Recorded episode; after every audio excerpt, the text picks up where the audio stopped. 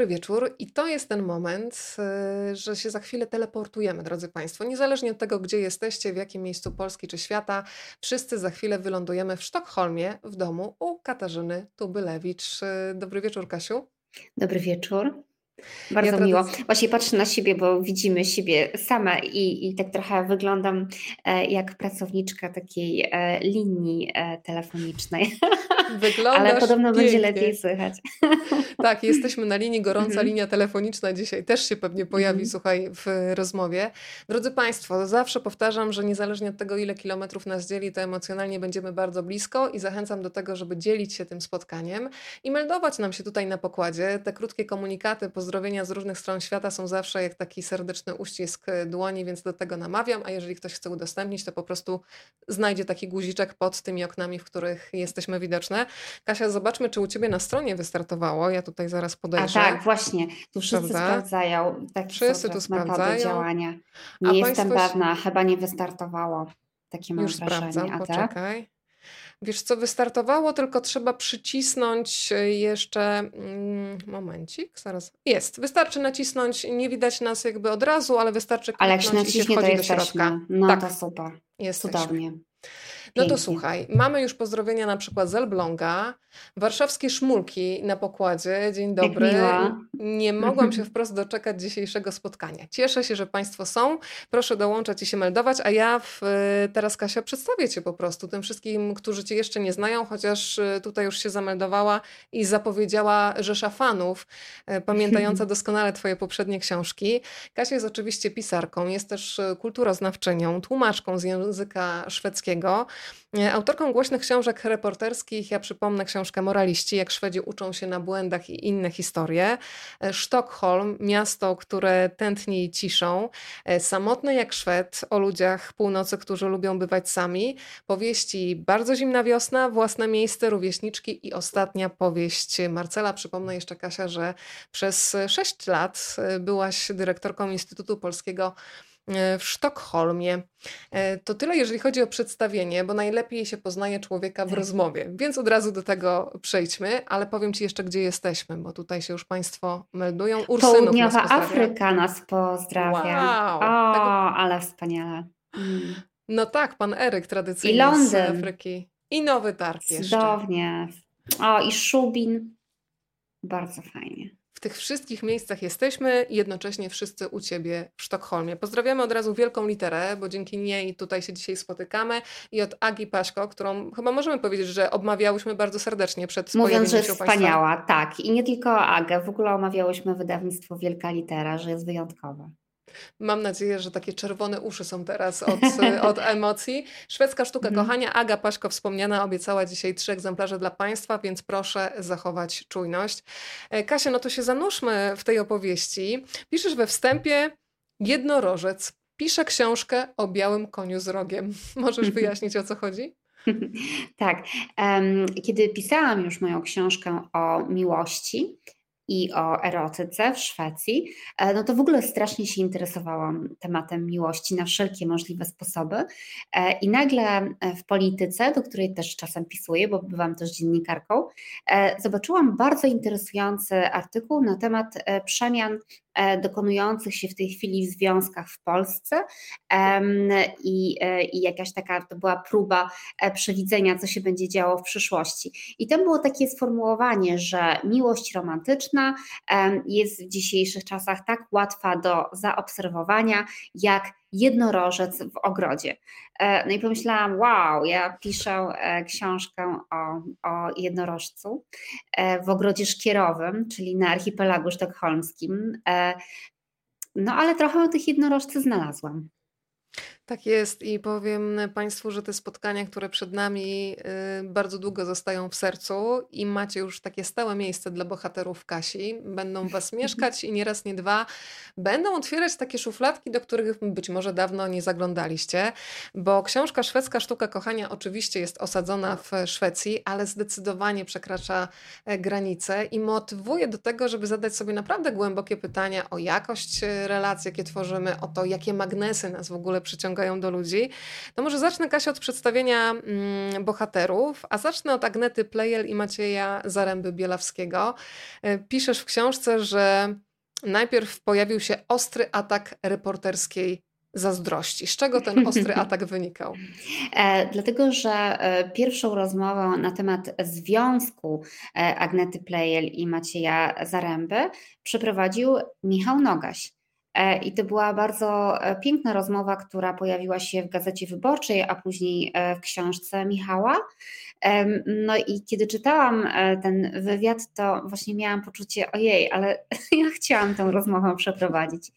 Ale Potem zrozumiałam e, po chwili dłuższej myślenia, e, że tak naprawdę ja chcę porozmawiać z Agnetą i Maciejem o trochę innych rzeczach. Że może nie tyle o tym, jak oni się poznali i czym jest ich związek, choć o tym też dowiadujemy się z tej rozmowy, ale miałam przede wszystkim ochotę rozmawiać z nimi o różnicach kulturowych w postrzeganiu e, miłości także w postrzeganiu erotyki. Bardzo chciałam rozmawiać dużo o fascynującej powieści autobiograficznej Agnety Plejel, która ma tytuł Zapach mężczyzny, wyszła po polsku w przekładzie Justyny Czechowskiej. Też fantastycznej, prawda? Tak, tak, e, zdecydowanie. E, I, I właśnie ta powieść, która, która jest no w pełni autobiograficzna, opowiada o między innymi o, o dojrzewaniu i, i do, do rozwoju intelektualnym, ale także y, o odkrywaniu swojej seksualności i o mm, takiej próbie życia i, i praktykowania wolnej miłości. E, I e, stąd bardzo dużo rozmawiałam z Agnetą i Maciejem także na temat rewolucji seksualnej, która w Szwecji się dokonała i to dosyć wcześnie, bo zaczęła się na początku lat 60., e, a która według mnie, i nie tylko według mnie, do dzisiaj nie dokonała się w Polsce i ma bardzo duży wpływ na to, jak Polacy myślą o erotyce, ale także myślę, że o miłości. Zdecydowanie tak. Maciej Zaręba-Bielawski.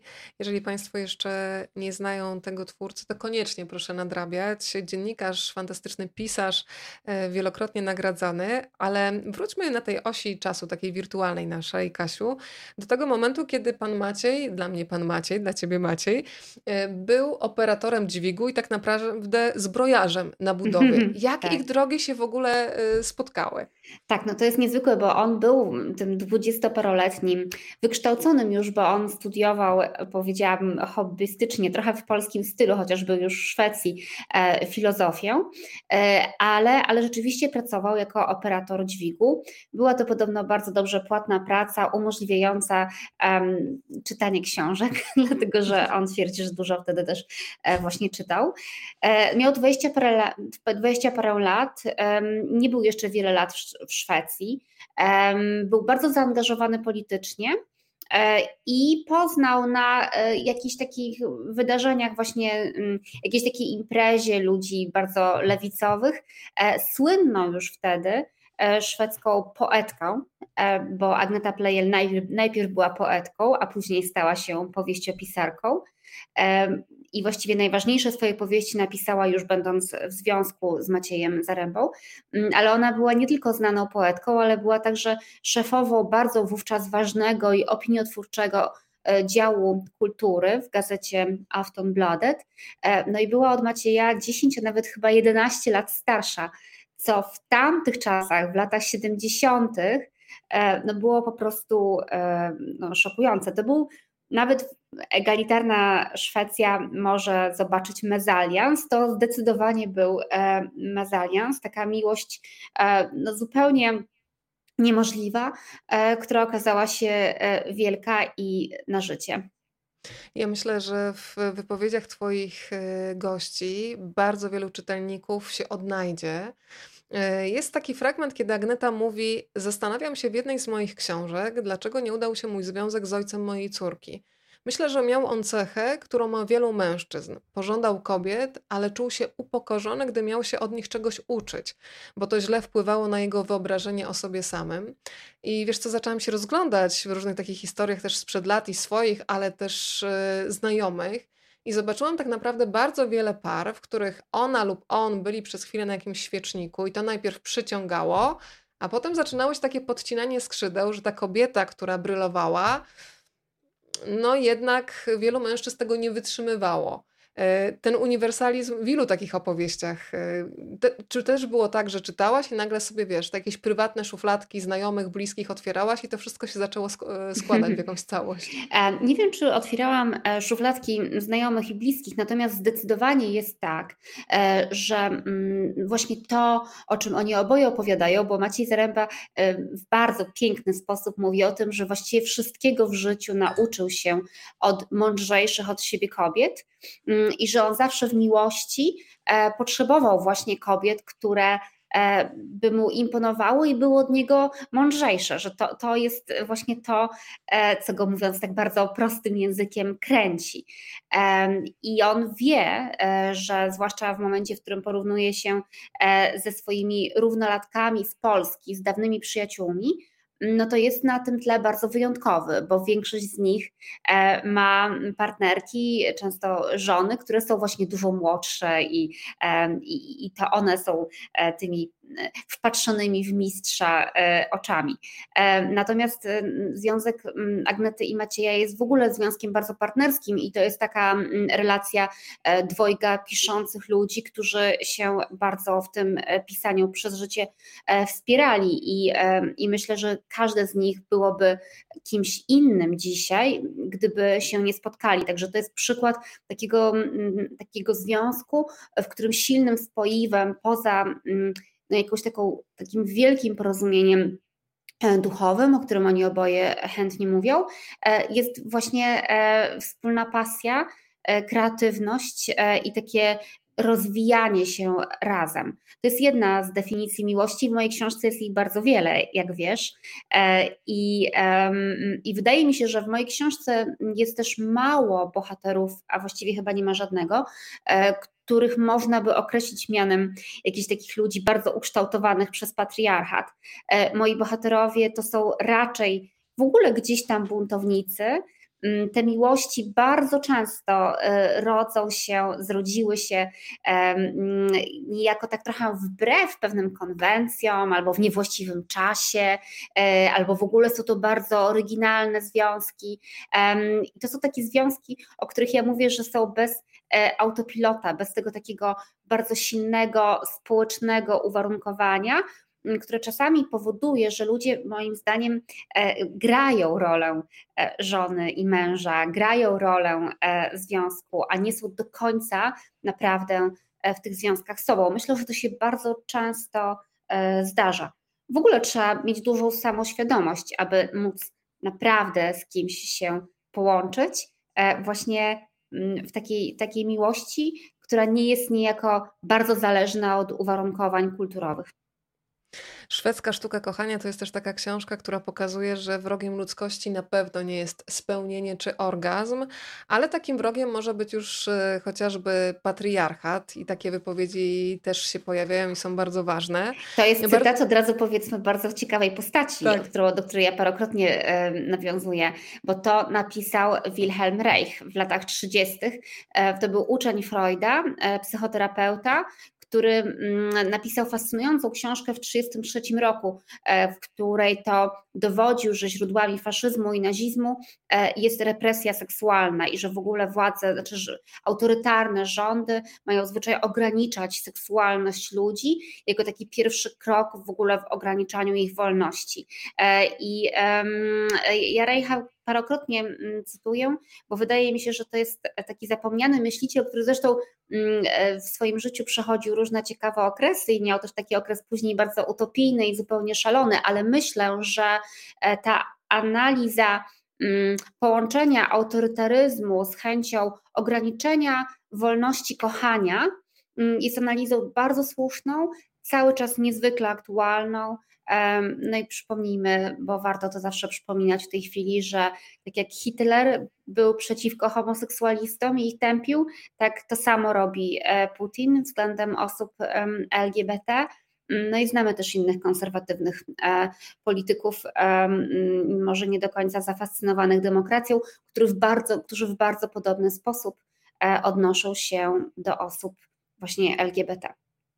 Dokładnie tak. E, ten wątek się przewija w książce niejednokrotnie, jest e, bardzo ważny. Zatrzymam się jeszcze na chwilę na parze, od której zaczęłam, bo pan Maciej też mówi takie piękne zdanie, które też jest definicją miłości, bo dużo się też mówi o, z jednej strony o patriarchacie, o tym, że też katolicyzm powoduje, że jest w nas, myślę o Polakach, jakiś rodzaj takiego cierpiętnictwa i niesienia krzyża i y, dla mnie miłość, która rani, miłość, która niszczy, nie jest po prostu miłością, mm. no ale znamy też wiele par, które się nie rozwodzą, ponieważ...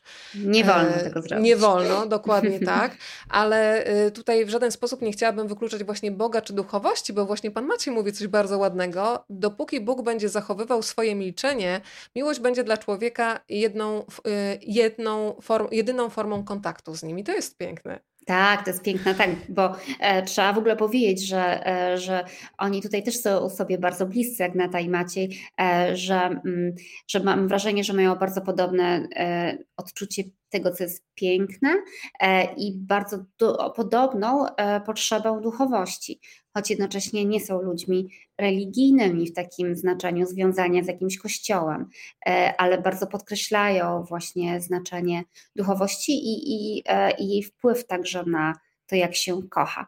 Pod tym względem są dosyć wyjątkowi wśród moich bohaterów, tak myślę, mm, ale, ale jednocześnie ja, ja uwielbiam w nich takie łączenie E, różnych e, poziomów rozmowy. Tam w tej rozmowie z nim jest też bardzo dużo w ogóle humoru i, e, i, i, i takich no czasem niezwykle zaskakujących, zabawnych spostrzeżeń dotyczących zarówno Polski, jak i Szwecji.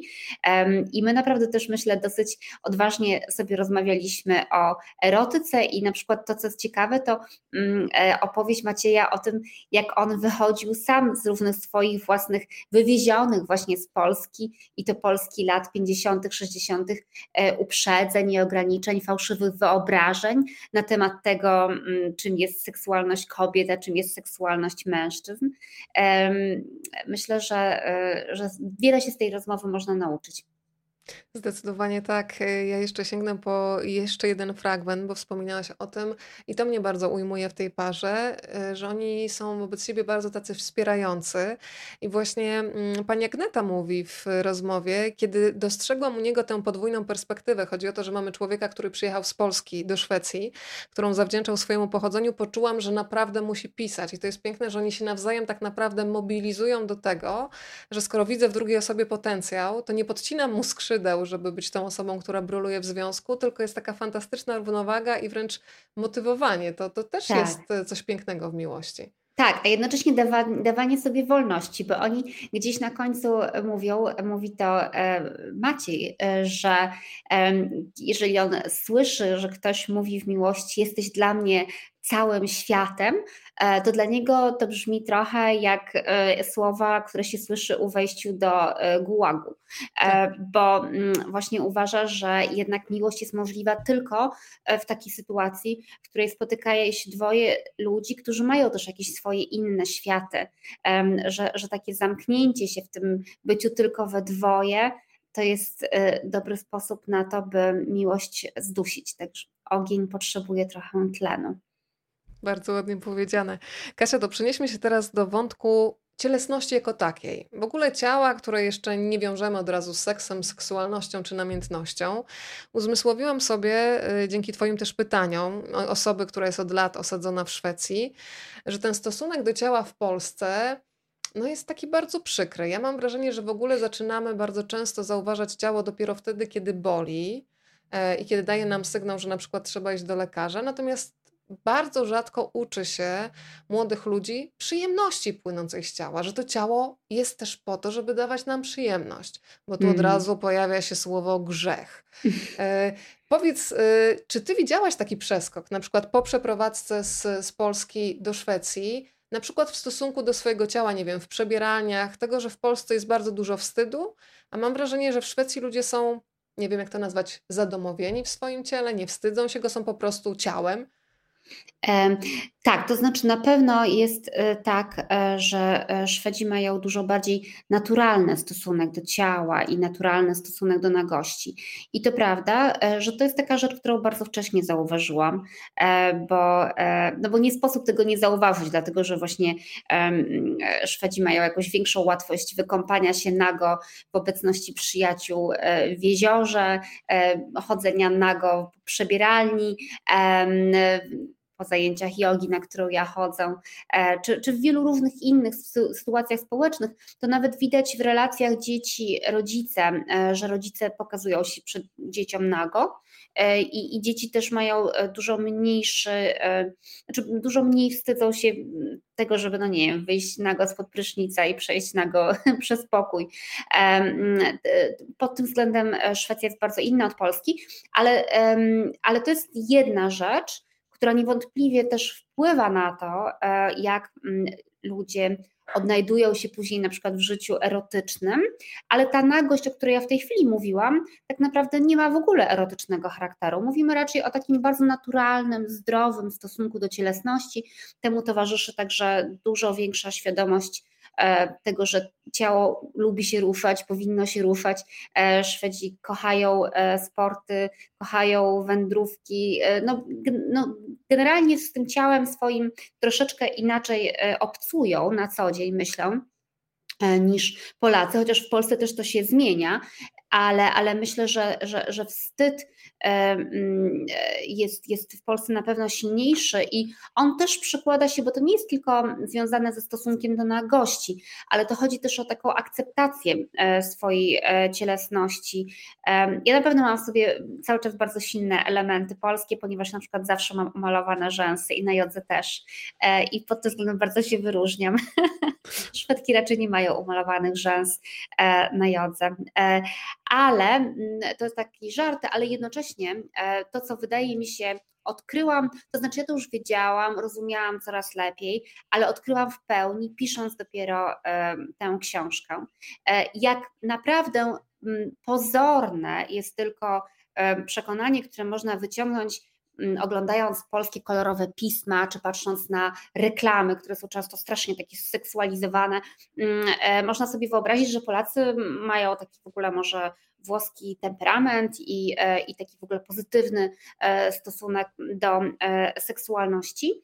A jednak myślę, że jak się właśnie rozmawia z ludźmi o stosunku do erotyki, do tego, czym, o tym, czym jest seks, to bardzo wyraźnie widać, że w Polsce jest niesamowicie dużo takiego łączenia seksu z czymś złym i nieczystym. Dlatego ten seks jest bardzo wyraźnie klasyfikowany w takim przekazie ogólnym, kulturowym, że jest seks dobry, to jest seks z miłości.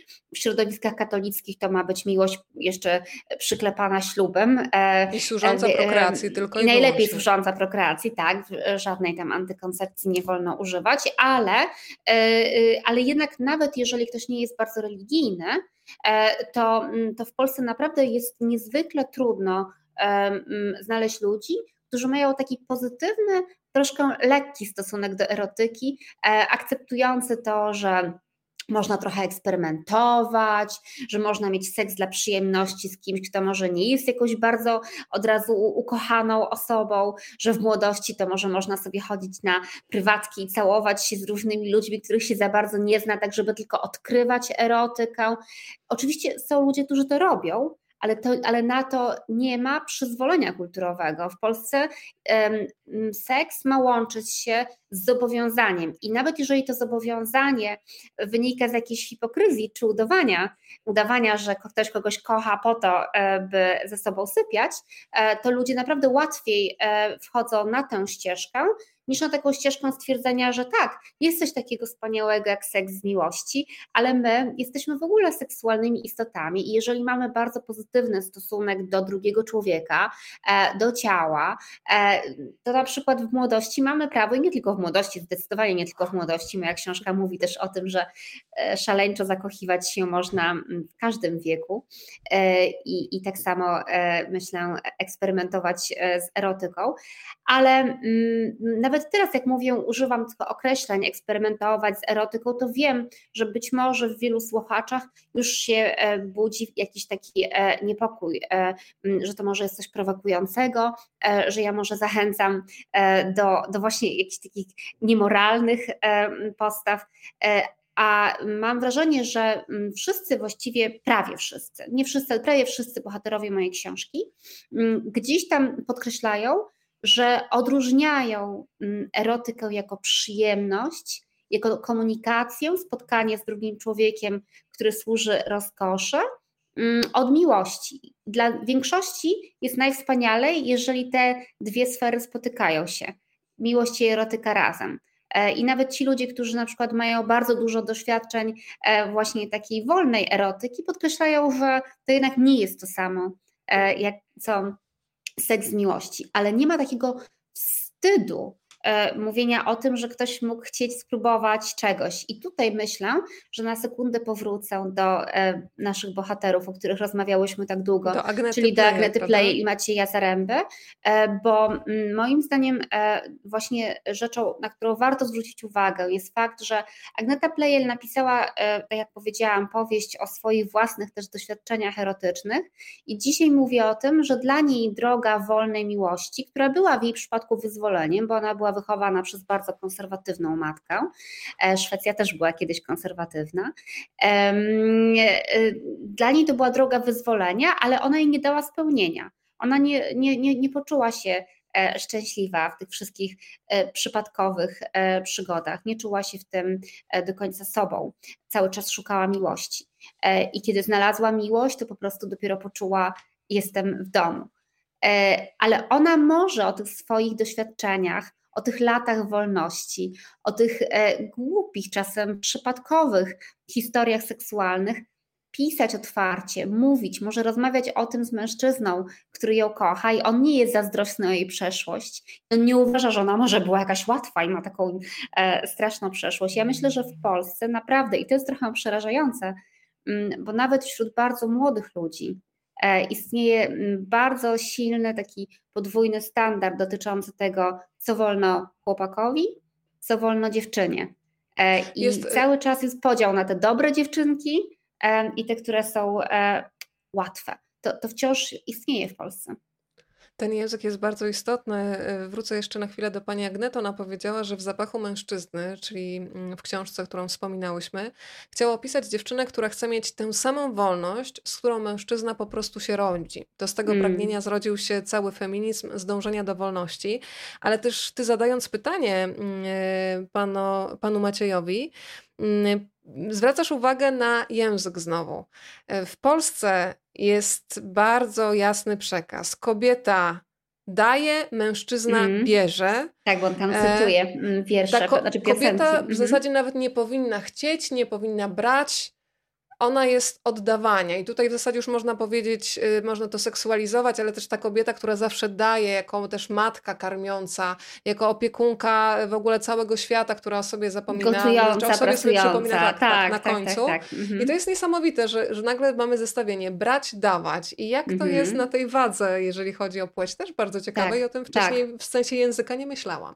Dokładnie. To znaczy, ja myślę, że w ogóle Polska się zmienia. E, ja nawet gdzieś tam wierzę, że, że moja książka przyspieszy ten proces e, e, i, i może doprowadzić do jakiejś takiej mini rewolucji seksualnej. Ale myślę, że jest naprawdę tak, że w XXI wieku w Europie po pierwsze, byłoby wszystkim łatwiej i lepiej, gdyby było dużo więcej właśnie takiego bardzo pozytywnego nastawienia do drugiego człowieka, a te, w tej e, w takiej w takim etycznym, e, ciepłym, e, dobrym stosunku do drugiego człowieka musi mieścić się także pozytywny stosunek do cielesności, a z kolei w pozytywnym stosunku do cielesności musi mieścić się e, raczej zachwyt erotyką, która jest nam dana po to, by się nią cieszyć. Oczywiście ludzie z erotyki mogą zrobić różne straszne rzeczy, e, ale, ale to właśnie wynika e, z jakiegoś takiego niezrozumienia, czym ona jest i z pogardy. Pogardy mm, do drugiego człowieka, bardzo często z pogardy do kobiet, czyli właśnie mm, wydoby, znaczy widzenie tego wszystkiego, tej struktury i, i uczenie się mm, po prostu bardzo równouprawnionego myślenia o seksualności E, to jest takie zadanie e, domowe dla wszystkich, myślę. Dla wszystkich nas. Ja, ja sama właśnie mam wrażenie, że gdzieś tam też pracowałam nad tym, e, pisząc tę książkę, bo także widziałam w sobie różne jakieś takie i uprzedzenia, i ograniczenia. One po prostu się ujawniały czasami w rozmowach i rozumiałam, że wow, one tam jeszcze są, mimo że ja mam takie bardzo liberalne poglądy.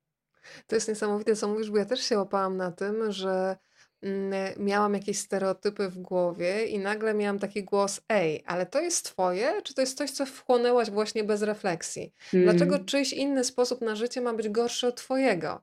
E, I nagle też, e, wiesz, można się potknąć o własną hipokryzję. Zresztą jest cudowny rozdział, jego tytuł już jest e, zastanawiający o uczciwej poliamorii i nieetycznej monogami. Do tego też mm. jeszcze dojdziemy.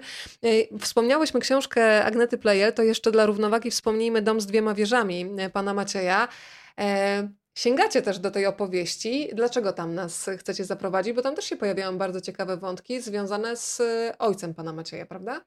Tak, bo rozmawiamy o jego stosunku do kobiet, e, ojca pana Macieja, imię, znaczy pana Macieja Macieja, mojej relacji z nim.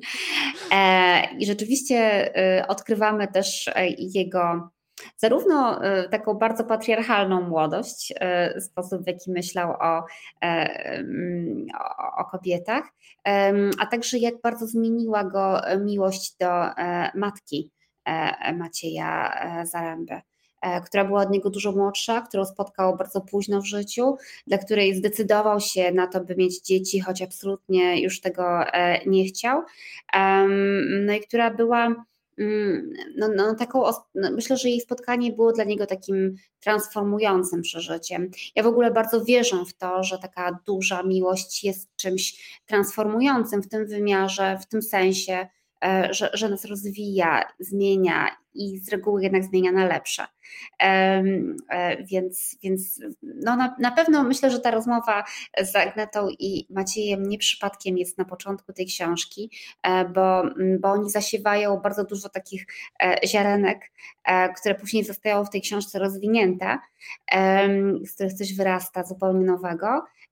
Ale, ale myślę, że z tej rozmowy można już sporo zrozumieć o tym, między innymi, jak bardzo dobrze jest myśleć o tym, jak kształtuje nas język, jak kształtuje nas rodzina, kultura i że my mamy wolność e, brania z tego wszystkiego, tego, co uważamy, że naprawdę jest dobre, ale wcale nie musimy brać wszystkiego. A czasami nasze mm, dojrzewanie musi polegać na tym, by pożegnać się z niektórymi myślami. Na przykład do Agnety Plejeli mama mówiła, że jeżeli będzie miała więcej niż dwóch partnerów, to będzie kobietą straconą, upadłą. Mhm. Z tym się Agneta pożegnała. To teraz wprowadźmy kolejnego bohatera i od razu Kasia powiedz, gdzie cię ze sobą zabrał Markus, bo też zdradzasz nam trochę kulisy przeprowadzania rozmów. Mhm. Markus cię prowadzi w e, bardzo konkretne miejsce, które się staje punktem wyjścia do rozważań e, między innymi na temat tolerancji, na temat seksualności, bardzo ciekawe spostrzeżenia dotyczące heteroseksualnego i homoseksualnego porno. Też się przy tym zatrzymamy, bo też przyznaję, że nigdy o tym w ten sposób nie myślałam, więc najpierw uściślimy, gdzie cię Markus e, zabrał ze sobą.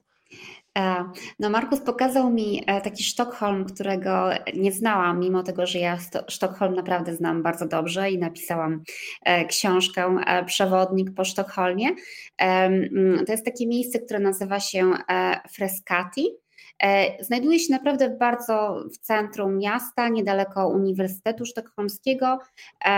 Po drugiej stronie, bo to jest miejsce nad wodą, po drugiej stronie e, zatoki jest pałac, w którym mieszka e, szwedzka następczyni tronu, Wiktoria. Ona mieszka w parku Haga. Freskati jest po drugiej stronie wody. I to są takie bardzo piękne skały nad wodą. E, gdzie e, na dole e, przy plaży, tam jest nieduża też plaża, jest jakiś pomost i trochę wyżej na skałach siedzą sobie zwykli ludzie, bardzo często rodziny z dziećmi i, i po prostu się opalają i pływają albo robią sobie pikniki. Ale jak się wejdzie troszkę wyżej, w taki las i, i głębiej, głębiej pomiędzy skały, mm, to okazuje się, że to jest taka przestrzeń, w której spotykają się ze sobą Mm, homoseksualiści to są, to, tam się spotykają tylko mężczyźni, także ja wędrując po tym świecie z Markusem byłam e, osobą w ogóle niepasującą do tego świata, o czym opowiadam, ale czułam się tam e, dobrze, w ogóle nie, znaczy byłam trochę intruzem, ale nikt nie reagował na mnie agresywnie. E, mężczyźni tam się opalają nago, czasami, się, czasami stoją nago, oni się z reguły zasłaniali, jak mnie nie widzieli i czekają na na jakieś spotkania. E, e, czasami e, zdarza się, że gdzieś tam ktoś z kimś też przeżywa jakieś uniesienia. Myślę, że mm, opowiadam o tym w taki sposób, który jest ładny, dlatego że to miejsce mimo tego, że ono tak brzmi, znaczy sama informacja o tym, że, że to jest takie miejsce, wiesz, w którym w polskiej głowie jest od razu schadzki, wiesz, to, to w ogóle jest, brudne tak. schadzki, to już tak, jest polska tak, głowa, która od tak, razu podpowiada. Tak, mhm. ale właśnie wydaje mi się, pewnie trudniej jest o tym opowiadać, a wydaje mi się, że udało mi się napisać o tym tak, e, że, że czuć, że to miejsce jest tak naprawdę e, niezwykle, znaczy jest w tym coś teatralnego, między innymi dlatego, że tam nikt z nikim nie rozmawia, ludzie raczej porozumiewają się gestami, e, po prostu długo na siebie patrzą. E, mi to Markus wszystko tłumaczył i, i opowieść, co znaczą różne gesty, też można znaleźć e, w reportażu na ten temat. I jest w tym miejscu jakaś taka w sumie łagodność, choć na pewno jest też ogromne napięcie i różne inne rzeczy, których ja po prostu nie widziałam. Natomiast bardzo ciekawe jest, jak te dwa światy ze sobą współistnieją. Ten świat schadzek i ten świat rodzin na kocykach, które w ogóle nie wiedzą, co dzieje się trzy metry wyżej, że, że oni tak się przed sobą troszkę chowają, dyskretnie odsuwają. Nikt nikomu e, nie przeszkadza. Od razu powiedzmy, że mm, ja z Markusem e, rozmawiałam po prostu o, e, o takiej bardzo wolnej e, erotyce, o, o takich wyborach mm, w życiu, że, że ma się długie okresy, kiedy po prostu mm, uprawia się bardzo dużo seksu, czasami z ludźmi, których wcale dobrze się nie zna.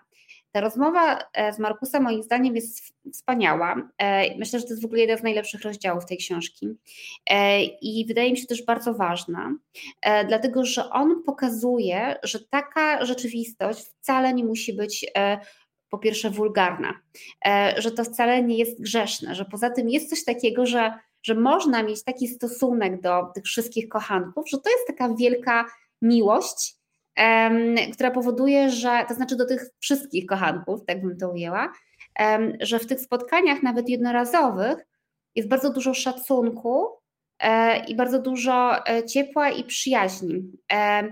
I, I wydaje mi się, że, mm, że, że, jest, że, że w Polsce w ogóle brakuje nawet czasami słów na to, e, by rozmawiać o etyce mm, takiego całkowicie wolnego seksu że to nie jest seks, który właśnie ma być e, brudny i podczas którego ktoś kogoś ma wykorzystywać. Że to też jest taka komunikacja między ludźmi, takie spotkanie między ludźmi, e, w których może być wielka radość, wzajemny szacunek i empatia dla e, partnera. Myślę, że to w, tej, w tym rozdziale jest bardzo silnie odczuwalne i że to jest naprawdę ważna rzecz. Jest takie zdanie, które powiem Ci, że też mnie zatrzymało a propos e, tego, jak jest e, przedstawiana miłość nawet w filmach pornograficznych. I teraz Markus mówi coś takiego. Heteroseksualne porno uprzedmiotawia kobietę, pokazując ją w sytuacji wykorzystania przez mężczyznę.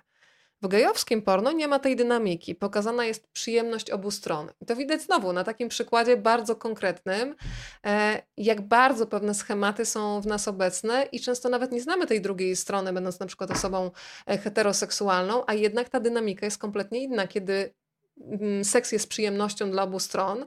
No i y, porno homoseksualne, gdzie fakt, heteroseksualne, kiedy najczęściej ten schemat jest taki, że ta kobieta jest w zasadzie, no nie wiem, niewolnicą wręcz tego mężczyzny. Im bardziej tak. jest to. Mhm. Mm, tak, i zresztą jak już mówimy o, to zresztą nie jest akurat temat, który ja jakoś rozwijam w tej książce, tak. bo, bo w ogóle e, bo dodajmy, że w tej książce jest też rozdział na temat tantry, także jest trochę opowieści o tak, erotyce, tak. erotyce, tak. a i tak większość rozdziałów tej książki traktuje o miłości i seks się tam gdzieś pojawia między słowami, ale nie jest w ogóle najważniejszym tematem. Ale tak jak mówimy, są, są rozdziały, w których tym tematem jest najważniejszym.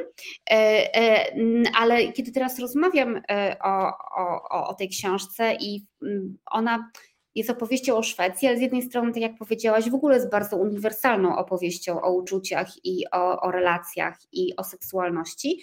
Mm, a poza tym to jest znowu taka moja książka, e, która będąc opowieścią o Szwecji jest także takim bardzo dobrym, myślę, lustrem dla Polski.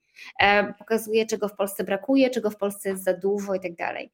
E, I właśnie kiedy mówimy o mm, pornografii, to warto wspomnieć, że że Szwecja jest takim krajem, który już w latach 60. E, był krytykowany przez ówczesnego bardzo konserwatywnego amerykańskiego prezydenta Eisenhowera, który mówił o szwedzkim grzechu, między innymi krytykując e, edukację seksualną w szwedzkich e, szkołach. W Polsce tej edukacji seksualnej nadal nie ma i jest bardzo dużo w ogóle takiego zakłamania w mówieniu o seksualności z młodymi ludźmi i w tym co im wolno e, i, e, i, i, co mają obowiązek ukrywać, także przed swoimi rodzicami często. I zapomina się o tym, że w takiej sytuacji młodzi ludzie bardzo często czerpią E, wiedzą na temat seksu właśnie z filmów porno, które są całkowicie dostępne, a te filmy no, jednak stanowią z reguły pewną karykaturę seksualności, to, to, zwłaszcza właśnie w obrazowaniu tego, co jest potrzebne kobiecie do szczęścia w seksie. I oczywiście ludzie, którzy znają trochę ten temat, czytali na ten temat jakieś artykuły, zdają sobie z tego sprawę ale myślę, że e, e, młodzi ludzie często nie. E, więc o seksie naprawdę trzeba rozmawiać i trzeba młodych ludzi też seksualnie edukować i warto na przykład nawet poruszać taki temat, jaki my poruszyliśmy z Markusem, porównania tego, jaki jest obraz seksu w pornografii heteroseksualnej i homoseksualnej, bo jest on inny. E, pani Iwona napisała, e, świetna rozmowa, dziękuję za nią. Ta książka staje się dla mnie przedmiotem pożądania. O pożądaniu dzisiaj też będziemy rozmawiać. Ja myślę, Słuchaj, że ta książka taką radość wnosi, że naprawdę ja tak. mam wielką nadzieję, że po prostu wszyscy rzucą się e, kochać innych ludzi, jak je przeczytają. Słuchaj, dla mnie to też jest opowieść y, o tym, czym jest na przykład miłość rodzicielska. Tam jest świetna rozmowa, e, w której opowiadasz o pewnej konserwatywnej pani polityk, która ma syna, który jest bardzo otwarty, jeżeli chodzi o swoją seksualność. E, I on mówi coś bardzo ważnego, i myślę, że to jest właśnie esencja miłości, kiedy podążasz za drugim człowiekiem, a nie stawiasz, starasz się go wstawić w jakieś ramy, które ktoś ci narzucił. Myślę, że pragnienie moich rodziców, by mieć mnie blisko, okazało się ważniejsze od pragnienia, abym był takim synem, jakiego sobie wymarzyli. Wielu rodziców postępuje inaczej. Sugerują dzieciom, że albo będą takie, jakimi oni chcą, aby były, albo zerwą z nimi kontakt, mówi Erik. Taka groźba nie ma nic wspólnego z miłością. Moja siostra na chrzcie swojej córki przeczytała fragment wiersza Gibrana, który mi się podoba. Wy jesteście jak łuk, z którego wasze dzieci jak żywe strzały zostały wyrzucone naprzód. Warto dodać, że za strzałą rodzice nie powinni rzucać lasa, żeby zmienić jej kierunek. No to jest piękne. Powiedz trochę, jak y, wyłowiłaś tego bohatera, jak go znalazłaś, bo tak jak powiedziałam, to jest dla mnie esencja miłości rodzicielskiej. Nie naginaj do swoich wyobrażeń, kochaj to dziecko i za nim podążaj. Ten bohater to w ogóle człowiek, co do którego mam takie marzenie, że jego książka wyjdzie kiedyś e, po polsku, e, dlatego że znalazłam go dzięki książce, którą e, napisał. Jest to książka autobiograficzna, która ma po szwedzku tytuł Od tantry do celibatu. E, I Erik Adelson Lilierod, bo on tak się, e, e, z jego pełne nazwisko, Erik Adelson z reguły używa takiego nazwiska, jest postacią o tyle znaną wcześniej, że jest synem bardzo słynnych szwedzkich polityków z partii moderatów, czyli partii konserwatywnej. Oczywiście w stylu szwedzkim konserwatywnej, ale właśnie jednak tak. Właśnie chciałam zapytać, czy to jest taki odpowiednik PiSu, czy jednak to już w ogóle nie, jest partia liberalna? Nie. No na polskie warunki to by była partia e, zdecydowanie liberalna, ale mm, konserwatywna w tym sensie, że mm, Rodzice y, Eryka zawsze żyli e, takim e, życiem bardzo poukładanym, zamożnym, w bardzo eleganckiej, snobistycznej dzielnicy się wychował, e, chodził do najlepszych szkół, bardzo szybko zrobił dużą karierę, bo tego oczekiwano w jego domu, bo powiedzmy, że jego ojciec był przez wiele lat E, przewodniczącym tej partii moderatów, a jego mama była przez 8 lat e, szwedzką minister e, kultury, także z ramienia moderatów. I, no i to Erik był więc osobą, która wychowała się mm, w domu zamożnym, w domu bardzo intelektualnym. Miał właściwie wszystko podane na tacy, można powiedzieć, ale jednocześnie był bardzo ambitny, e, więc się świetnie uczył. E, I mając 30 parę lat, e, był już dyrektorem bardzo dużej firmy. Miał przepiękne mieszkanie świetnej dzielnicy, tak jak jego rodzice, narzeczoną, był przystojny, miał za sobą wiele różnych przygód, e, bo zawsze mm, fascynowały go e, kobiety. No i właściwie wydawało się, że mm, po prostu realizował e, taki idealny projekt na życie i następnym punktem miało być już mm, założenie rodziny. Ale on się czuł bardzo nieszczęśliwy. Czuł się całkowicie niespełniony, wpadł w, po prostu w jakąś taką wielką depresję Najpierw znalazł jogę, ale krótko się nią zajmował, ale dzięki jodze trafił na jakiś festiwal tantry i zaczął się bardzo interesować tantrą, czyli e, też e, staroindyjską sztuką e, i filozofią.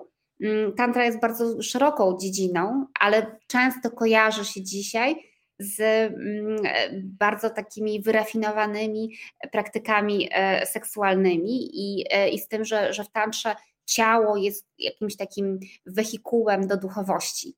E, I, e, e, i, i w tantrze erotyka jest, jest bardzo ważną praktyką, także duchową. Eryk się tym na tyle zainteresował, że najpierw zapisał się na jakieś kursy tantry, a potem po prostu dołączył do takiego, takiej szkoły, która się nazywa Tantra No Limits i to jest bardzo radykalna szkoła tantry. To nie jest coś takiego jak modne dziś e, w Szwecji warsztaty weekendowe tantry.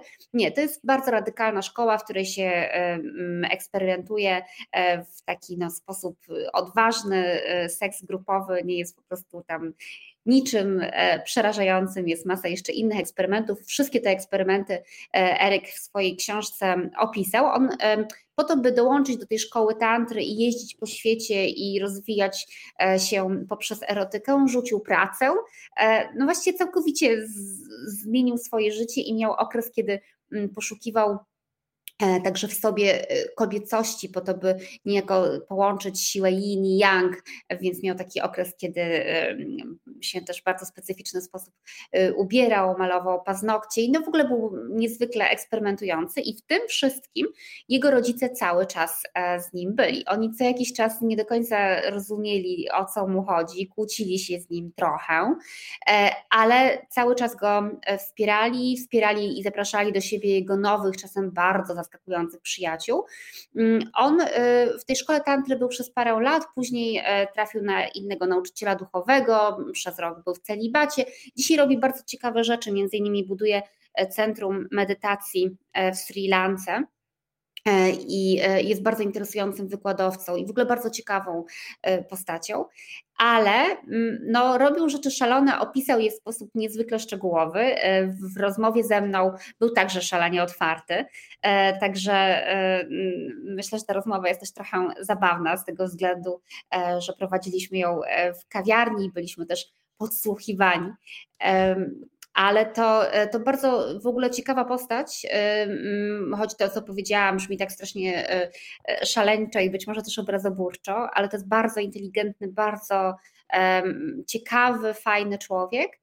I rzeczywiście jego relacja z rodzicami, która jest wyjątkowo bliską relacją, oni się szalenie przyjaźnią, jest przykładem takiej miłości, która w pełni rozumie, że ten, kogo kocham, ma prawo być ode mnie zupełnie inny i mieć inne marzenia na swój temat e, niż te, które ja na jego temat miałam.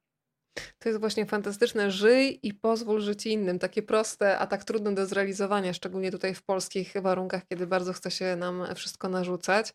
E, bardzo się cieszę, Kasia, że jesteś obecna w swojej książce w taki subtelny, delikatny sposób, e, bo to ty nas prowadzisz do kolejnych bohaterów. I teraz się zatrzymajmy przy tym rozdziale o uczciwej poliamorii i nieetycznej monogami. Tam jest taki fragment: kochać więcej niż jedną osobę. Czy to możliwe? Czy to wypada? Czy jeśli kochać więcej niż jedną, to znaczy, że nieprawdziwie? Pytania te nie nurtowały mnie we wczesnej młodości, owej arcywzniosłej epoce wybujałego romantyzmu i zaczytania w poezji Leśmiana. Koncepcja miłości jedynej na całe życie była dla mnie wtedy paradygmatem. Nie przeszkodziło mi to zakochiwać się w różnych chłopakach, a także rozwieść zaledwie kilka miesięcy po hucznym ślubie, ale przyświecał mi imperatyw znalezienia absolutnej jedności w byciu w parze. Czy była to potrzeba serca, czy wpływ otoczenia i wychowania, uwięzienie w schemacie? Czy chodziło o miłość, czy o poszukiwanie mojej własnej tożsamości, której częścią miał stać się związek? Czy kochałam, bo kochałam, czy dlatego, że pragnęłam kochać? To jest niesamowite i mhm. od razu powiedz, czy e, od razu wiedziałaś, że trochę siebie też wpuścisz do tekstu, no bo skoro otwierają się i to tak bardzo bohaterowie, to w zasadzie ta otwartość z Twojej strony wręcz też jest wymagana, co? Tak, aczkolwiek jak pewnie zauważyłaś, moja otwartość jednak jest kontrolowana, ale ja zawsze e, mówię o tym, że e, żadna z moich książek, i to zwłaszcza reporterskich, e, nie zrodziła się m, mm, z takiej ciekawości, która mm, była ciekawością naukowca. Każda książka zaczyna się we mnie. E, także jeżeli ja poruszam jakiś temat, to znaczy, że też się nim bardzo intensywnie e, wewnątrz siebie zajmuję i próbuję coś e, zrozumieć. E, I zdecydowanie jest tak, mm, że w tej książce też jestem ja i są moje przemyślenia, czasami mm, tak bardzo wprost opowiedziane, mm, a, czasami ukryte, ale, ale oczywiście, że tak jest. Natomiast Rzeczywiście e, ten rozdział o poliamorii e, w ogóle wywołuje e, bardzo dużo emocji, no bo to jest w naszej kulturze tabu. W Szwecji właściwie też, tylko że ponieważ Szwecja jest krajem bardzo tolerancyjnym, E, to to jest taki kraj, w którym po prostu można wybrać sobie różne formy e, związku. I dlatego e, w rozdziale o poliamorii jest też mm, rodzina poliamoryczna, ludzie, którzy, troje dorosłych, którzy wychowują dziewięcioro dzieci i żyją tak w pełni otwarcie. I to zresztą nie jest jedyna e, poliamoryczna rodzina w Szwecji, e, która ma swoje konto na Instagramie i opowiada o swoim życiu. Takich rodzin jest więcej, aczkolwiek mają troszeczkę mniej dzieci. Jest na przykład taka znana rodzina, podobny skład, e, dwóch mężczyzn, jedna kobieta, ale mają sześcioro dzieci tylko. Ale, ale ten rozdział traktuje także o, o poliamorii jako mm, pewnym takim pewnej krytyce e, jakiegoś takiego nakazu monogami, e, w którym jesteśmy e, wychowani. Przy czym nakaz ten w dzisiejszym świecie, nawet w dość konserwatywnej Polsce, jest, jak to tłumaczy moja rozmówczyni, jedna z moich rozmówczyń, Tania Suchina, w jakiś sposób też hipokryzją, bo większość ludzi doświadcza w swoim życiu monogami seryjnej. To nie jest tak, że ma się na życie z reguły jednego partnera, bardzo często tych związków monogamicznych jest kilka. E, e, czasami to są związki, poważne związki małżeńskie, czasami mm, e, związki przelotne, ale jednak jest to, jest to jest jakaś seria związków. Ludzie, którzy definiują się jako poliamoryczni lub którzy żyją w związkach otwartych, e, przyjmują, e, że można kochać więcej niż jedną osobę e, i że te miłości mogą być po prostu różne. I tak naprawdę Mogę tutaj się... twój cytat, mm -hmm. bo to jest fragment cudowny. Złośliwy chochlik w mojej głowie podpowiada. Jak wyglądałby świat, gdyby uznano także, że matka może kochać tylko jedno dziecko? że nie da się pomieścić w jednym sercu miłości do dwojga, trojga, a może nawet czworga maluchów. I faktycznie człowiek się mm. zaczyna zastanawiać, no dobrze. Mm, zawsze też faktycznie mi się wydawało, że miłość wymaga jednak wyłączności, i to jest ta moja perspektywa, ale pokazujesz mi tę parę, i to, to, też jest fantastyczne, i o czym oni mówią, że kiedy mówi się o nich jako o rodzinie poliamorycznej, to y, te polskie myśli znowu zaczynają skręcać i krążyć tylko wokół seksu. Oni mówią, że nie będą opowiadać o tym, jak wyglądają u nich relacje seksualne, bo nikogo na ulicy też się o to nie pyta, nawet jeżeli jest właśnie w związku jeden na jeden. E, ale jakoś ludzi nie za bardzo interesuje, co ich łączy w tym sensie emocjonalnym. Oni tę emocjonalną bliskość y, bardzo podkreślają i, i, jednocześnie pokazują, że świat od razu widzi w tym coś bardzo podejrzanego i tak naprawdę sprowadza tylko i wyłącznie do seksualności. Tak, to jest właśnie ciekawe. I zresztą, mm, bo tutaj jeszcze na sekundę wrócę do Tani Suchiny, która reprezentuje trochę inną myśl o poliamorii, bo e, Tania e, jest po pierwsze młodsza, ona jest seksuolożką i psycholożką, 30-paroletnią, nie ma dzieci i nie planuje mieć. E, poliamorię rozumie w ten sposób, że mm, e, ona uważa, że bardzo często po prostu jest się w jakimś związku, e, który jest związkiem długotrwałym, może być bardzo głęboką przyjaźnią, może być bardzo silnym przywiązaniem, ale jednocześnie ma się też otwartość na przygody, które przynoszą ten taki, te motyle w brzuchu od pierwszego pocałunku, tak? To coś, czego w długotrwałych związkach czasami może brakować. I, i Tania mówi o tym, że mm, otwartość e, taka i, i, i przyzwolenie na, na to, by w życiu ludzi, którzy są w związku, pojawiały się także inne historie, jest tak naprawdę po prostu najczystszą formą relacji, bez zakłamania, ponieważ w związkach monogamicznych zdarzają się zdrady. Ona się z tego bardzo śmieje, że zdrada w ogóle może być początkiem końca związku. A co to w ogóle jest za problem, że inne rzeczy są dużo poważniejsze, straszniejsze, które mogą stać się między kochającymi się ludźmi, ale dlaczego akurat um, erotyka um, i jakaś przygoda z kimś innym miała być, być końcem miłości? Ona to widzi z takiej perspektywy. Mam tutaj ten fragment, mm. bo to mhm. jest faktycznie mocne. Ona mówi tak, można na przykład zajść w ciążę bez uzgodnienia tego z partnerem faktycznie niefajna sytuacja, mm. mówiąc delikatnie. Można przegrać pieniądze rodziny. Można bez konsultacji z partnerem podejmować decyzje zawodowe, które całkowicie odmienią życie wszystkich członków stadła. Można nie liczyć się z drugą osobą, ale to zdrada jest moralnie nie do zaakceptowania. Co do innych form nielojalności uważa się często, że należy je zrozumieć i wybaczyć. I znowu trzeba człowiekowi pod nos pokazać hipokryzję, że decyzje naprawdę ogromnej wagi, na przykład zajście w ciążę, gdzie jedna osoba to planuje, druga nie do końca ma mm. świadomość, na przykład, że ktoś nie, nie bierze środków antykoncepcyjnych i to jakoś przechodzi, ale zdrada od razu jest czymś, co sprawia spra sprawę na ostrzu noża. Tak, no i to jest, to jest oczywiście umowne w jakiś sposób, to jest po prostu kulturowo też e, e, e, osadzone, że tak powiem, e, możliwe do wytłumaczenia. Mm, e, a, a poza tym troszkę się wiąże z tym, że nam się często miłość e, myli mm, z posiadaniem i to jest to niebezpieczeństwo też, tak? To jest coś, co powoduje, że czasem e, miłość, kiedy się kończy, bo też się może skończyć, prawda, zamienia się natychmiast w nienawiść. Ja uważam, że straszną rzeczą są rozwody, w których ludzie zaczynają ze sobą walczyć, krzywdzić dzieci, walczyć o dzieci, ponieważ skończyła się miłość, więc w takim razie jesteśmy wrogami. To nie ma nic wspólnego tak naprawdę e, z miłością. Coś takiego. To jest raczej przekonanie, że ktoś do mnie należał, a teraz stwierdził, że nie chce już być mój, no więc w takim razie e, go nienawidzę. Mm, e, ale teraz wracając do tego, co powiedziałaś o rodzinie poliamorycznej, bo to z kolei są ludzie, którzy podkreślają, że są sobie wierni we trójkę. Oni nie mają otwartego związku, oni żyją po prostu e, w związku trzyosobowym. Co ciekawe, w tej trójce wszyscy mają wcześniejsze doświadczenie związków monogamicznych, przy czym Erik i Linda to są ludzie, którzy byli przez 14 lat małżeństwem i mieli czworo dzieci i żyli bardzo tradycyjnym życiem. I oni w ogóle nie spodziewali się, że, że oni mogliby się jeszcze w kimś dodatkowo zakochać, dopóki nie spotkali e, Hampusa. E, I dopóki nie okazało się, najpierw, że łączy ich erotyka, a później, że ta erotyka to jest coś dużo więcej, że to po prostu jest miłość. I wydaje mi się, że ta historia pokazuje, że, mm, e, że bo w ogóle miłość może być w życiu niespodzianką. E, I to stąd czasami taką bardzo dramatyczną, bo czasami właśnie miłość też przychodzi w formie zdrady. O tym też e, są, jest w mojej książce opowieść, że może tak być, że ktoś żyje w związku, który jest całkiem okej, okay, ale trochę wypalony, ale właściwie wydaje się, że to jest wszystko, że jest tam wszystko dobrze, aż pojawia się po prostu ktoś i takie uczucie, któremu nie można się oprzeć.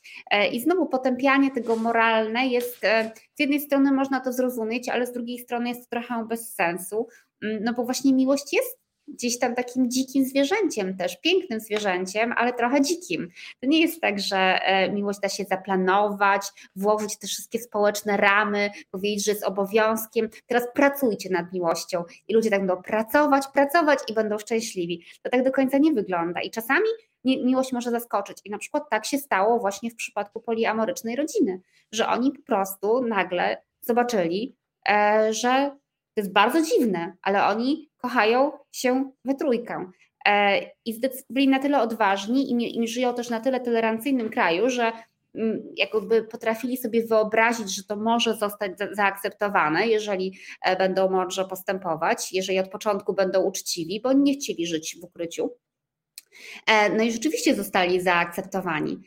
I ciekawe jest moim zdaniem to, że mówią wyraźnie, że w, takim, w takiej relacji, na którą niejako nie ma wyraźnego wzorca, bo, bo, no bo, no bo nie ma tych opowieści, tych książek, tych filmów, które e, mówią, jak żyć e, w rodzinie, w której jest dwóch mężczyzn, jedna kobieta i wszyscy śpią w jednym łóżku i, i wszyscy się e, kochają.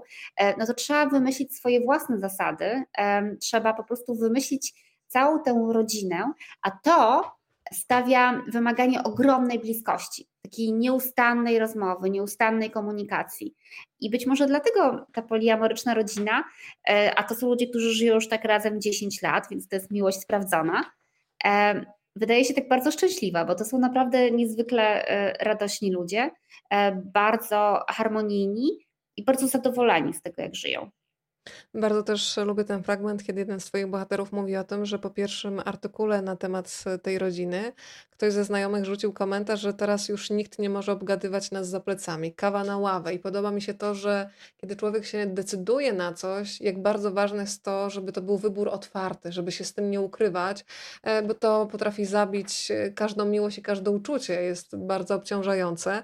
Jeden z Twoich bohaterów jest taki fragment który też pokazuje, w jakich schematach i pułapkach ludzie przez lata potrafią być nieszczęśliwi. E, ty mówisz, odrzucenie schematów wymaga dużej odwagi. Słyszysz w odpowiedzi, wiesz, ja nie byłem odważny, tylko zdesperowany. Zwyczajnie nie byłem już w stanie żyć tak, jak żyłam. I powiem ci, że jest w tym zdaniu coś bardzo poruszającego, bo pokazuje mm. człowieka, który przez jakiś czas funkcjonował w opresji. Tak. Tak, to Erik, prawda? E, e, tak. Erik, Erik, który poszedł drogą e, tantry.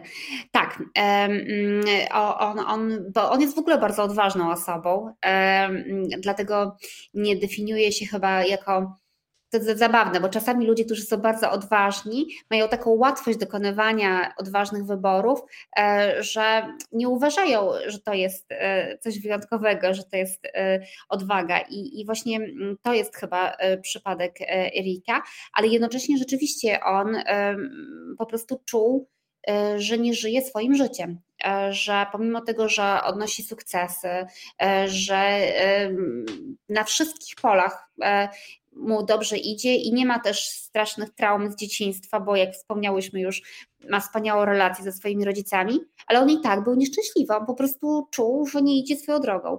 Jego droga okazała się być drogą dosyć radykalną, być drogą poszukiwania siebie także przez um, ciało. On tą drogą poszedł, um, no i tego nie żałuję. E, ale w mojej książce właściwie mam wrażenie, że to w ogóle łączy moich bohaterów że oni wszyscy są odważni. E, I śmiem twierdzić, że być może jest tak, że do tej takiej wielkiej miłości albo wielkiego spełnienia bardzo często odwaga jest potrzebna, bo także otwarcie się przed drugim człowiekiem, E, w każdym wymiarze, takie bardzo uczciwe otwarcie, takie właśnie wyjście poza schemat i poza to, że, bo często jest tak, że początek miłości to jest spotkanie się ze sobą e, dwóch wyobrażeń, to znaczy my na początku często kochamy fantazję o człowieku, a nie człowieka, o tym ładnie mówi Agneta Player, że dlatego się rozpada wiele związków, bo ludzie e, kochają kogoś, kogo sobie wyobrazili, a nie tę prawdziwą osobę. Ale to, żeby właśnie doszło do tego prawdziwego spotkania, każdym wymiarze, myślę, że także seksualnym, to, to wymaga odwagi e, i nie wszyscy ją mają. My tutaj mówimy o Szwecji, o współczesności, ale Kasia, ty przypominasz i za to też ci bardzo dziękuję, że nietypowe, w sensie nietradycyjne relacje funkcjonowały przecież też w przeszłości w Polsce. Ależ tak. Wymieniasz tak. Magdalenę Samozwaniec, e, piszesz o y, Irenie Krzywickiej. Kto tam jeszcze jest wymieniony? Bo przecież to wszystko było, ale nie wiem dlaczego jakby e, dzieciaki w szkole uczą się o wielkich twórcach i ich dziełach, natomiast y, o tym życiu prywatnym to lepiej nie mówić, bo jeszcze się okaże, że jedna z wielkich twórczyń była lesbijką, a ktoś był homoseksualistą, a ktoś miał otwarty związek i to jest przemilczane. Tak, no wreszcie się dowiadujemy, prawda, że właśnie Konopnicka tak. była lesbijką, a, a Słowacki i Krasiński to prawdopodobnie mieli e, ze sobą długotrwały e, romans. E, I to z jednej strony prywatność twórcy mm, ma, ma prawo być prywatna, z drugiej strony jest tak, e, że ona e, często jednak wpływa na to, e, jak się pisze, jak się widzi świat i czasami o tej prywatności warto wiedzieć. A ja rzeczywiście na przykład przy, przytaczam historię, którą znała cała Warszawa i właściwie cała Polska, czyli relacji Ireny Krzywickiej z Tadeuszem Bojem Żeleńskim w okresie międzywojennym. Oni byli ze sobą razem przez 10 lat, podczas gdy jednocześnie Irena Krzywicka była e, ze swoim mężem e, Krzywickim, e, miała dosyć małe dzieci. Mm, Boj był od niej starszy, ale był także w związku małżeńskim i to był związek w pełni otwarty, ponieważ jego żona też za jego wiedzą miała inne relacje. I co ciekawe, otwartość tych ludzi była też taka, że kiedy Boj Żeleński zginął w czasie wojny, to Krzywicka dowiedziała się o tym od jego żony. E, e, także mm, e, to była taka, taka konstelacja, która była mm, niecodzienna, ale jednocześnie akceptowana. To znaczy na pewno y, obgadywano trochę e, e, Krzywicko i Bojarzyńskiego i powstawały na ich temat różne wierszyki Mało w Warszawie, tak. tak. E, ale jednak Niewybredne. oni w ten sposób żyli. W późniejszym czasie no, myślę, że Kaliny Jędrusik związek był też takim no właśnie związkiem otwartym, prawda? Ja, ja myślę, że to jest o tyle ciekawe uświadomić to sobie, że mm, mam wrażenie, iż Polska w tej chwili mentalnie e, weszła w jakiś taki okres jeszcze większej dulszczyzny, e, niż e, być może na przykład w okresie międzywojnia. I to jest trochę przerażające. Oczywiście jednocześnie wiemy, że, że Polska jest bardzo podzielona, bardzo są różne w Polsce światy i, i, i też jest miejsce i na wolność i tolerancję, aczkolwiek państwo e, jest całkowicie nietolerancyjne, e, ale myślę, że istnieje jakiś taki e, dyskurs, który jest dosyć, dosyć silny i właśnie obecny w edukacji, obecny w polityce, który jest niesamowicie zacofany i ograniczający wolność człowieka w jakimś takim najważniejszym wymiarze, w wymiarze tego, kogo on ma prawo kochać. Dlatego w mojej książce pojawiają się też uchodźcy miłości. Powiedzmy sobie, że Markus, o którym mówiłyśmy, nosi dziś szwedzkie imię, e, ale on jest e, z pochodzenia Polakiem, który e, wyjechał z Polski, ponieważ nie widział dla siebie w Polsce miejsca i możliwości godnego, szczęśliwego życia, a, a w Szwecji jest bardzo szczęśliwy. Opisują także dwie uchodźczynie miłości, które do Szwecji przybyły dość niedawno jakieś mm, zaledwie trzy lata temu. E, Alicja i Kamila e, to są e, kobiety po czterdziestce, które znalazły też no już po trzydziestce tą wielką, wielką miłość bardzo chciały wziąć ślub, wzięły go w Danii, ale chciały także żyć w pełni otwarcie i chciało, chciały, aby ich małżeństwo e, było po prostu traktowane jak wszystkie inne małżeństwa. E, mm, no i co w Polsce oczywiście było niemożliwe, poza tym one nie były w stanie już znieść tej politycznej nagonki, e, którą po prostu słyszały, jak tylko włączyły telewizor, czy zajrzały do jednej czy drugiej gazety i chciały też czegoś takiego prostego. Mnie bardzo wzruszyło, jak Alicja powiedziała, że ona zawsze starała się być właśnie otwarta e, w, w tym, kim jest, w momencie, w którym już zaakceptowała, kim jest, bo, bo Alicja i Kamila opowiadają też o swoich o swoich drogach do tego, by w ogóle zaakceptować to, e, że nie są heteroseksualne. I coś takiego w kulturze polskiej jest często bardzo trudne. Dla Alicji, która w młodości była związana z kościołem, to była naprawdę bardzo długa droga. Ona na początku e, próbowała po prostu być heteroseksualna, ale to jest e, jednak gwałt na sobie samej, czy sobie samym, jeżeli człowiek zaprzecza swojej prawdziwej e, tożsamości. Ale Alicja powiedziała, że jej marzeniem było zawsze to, żeby wsiąść do taksówki i czekając na Kamilę, która zawsze się spóźnia, móc powiedzieć taksówkarzowi, ale poczekajmy jeszcze na moją żonę. I żeby nie powiedzieć tego ze strachem i żeby nie spotkać się z pogardliwym um, jakimś śmiechem e, i żeby po prostu móc chodzić ze swoją ukochaną osobą za rękę i żeby nikt nie patrzył krzywo na to. Ja myślę, że jak e, właśnie w ten sposób, takie się słyszy opowieści, to nawet te osoby, które uważają, że ale no przecież w Polsce tak naprawdę to nie ma żadnych problemów, e, oni nie muszą się obnosić tylko z tą e, miłością. Ja myślę, że właśnie jak się, jak się usłyszy, że, że można kogoś kochać i bać się go chwycić za rękę, to się rozumie, jak straszny to jest ból, jak potwornie jest to niesprawiedliwe i jak bardzo nie powinno mieć miejsca w XXI wieku w Europie.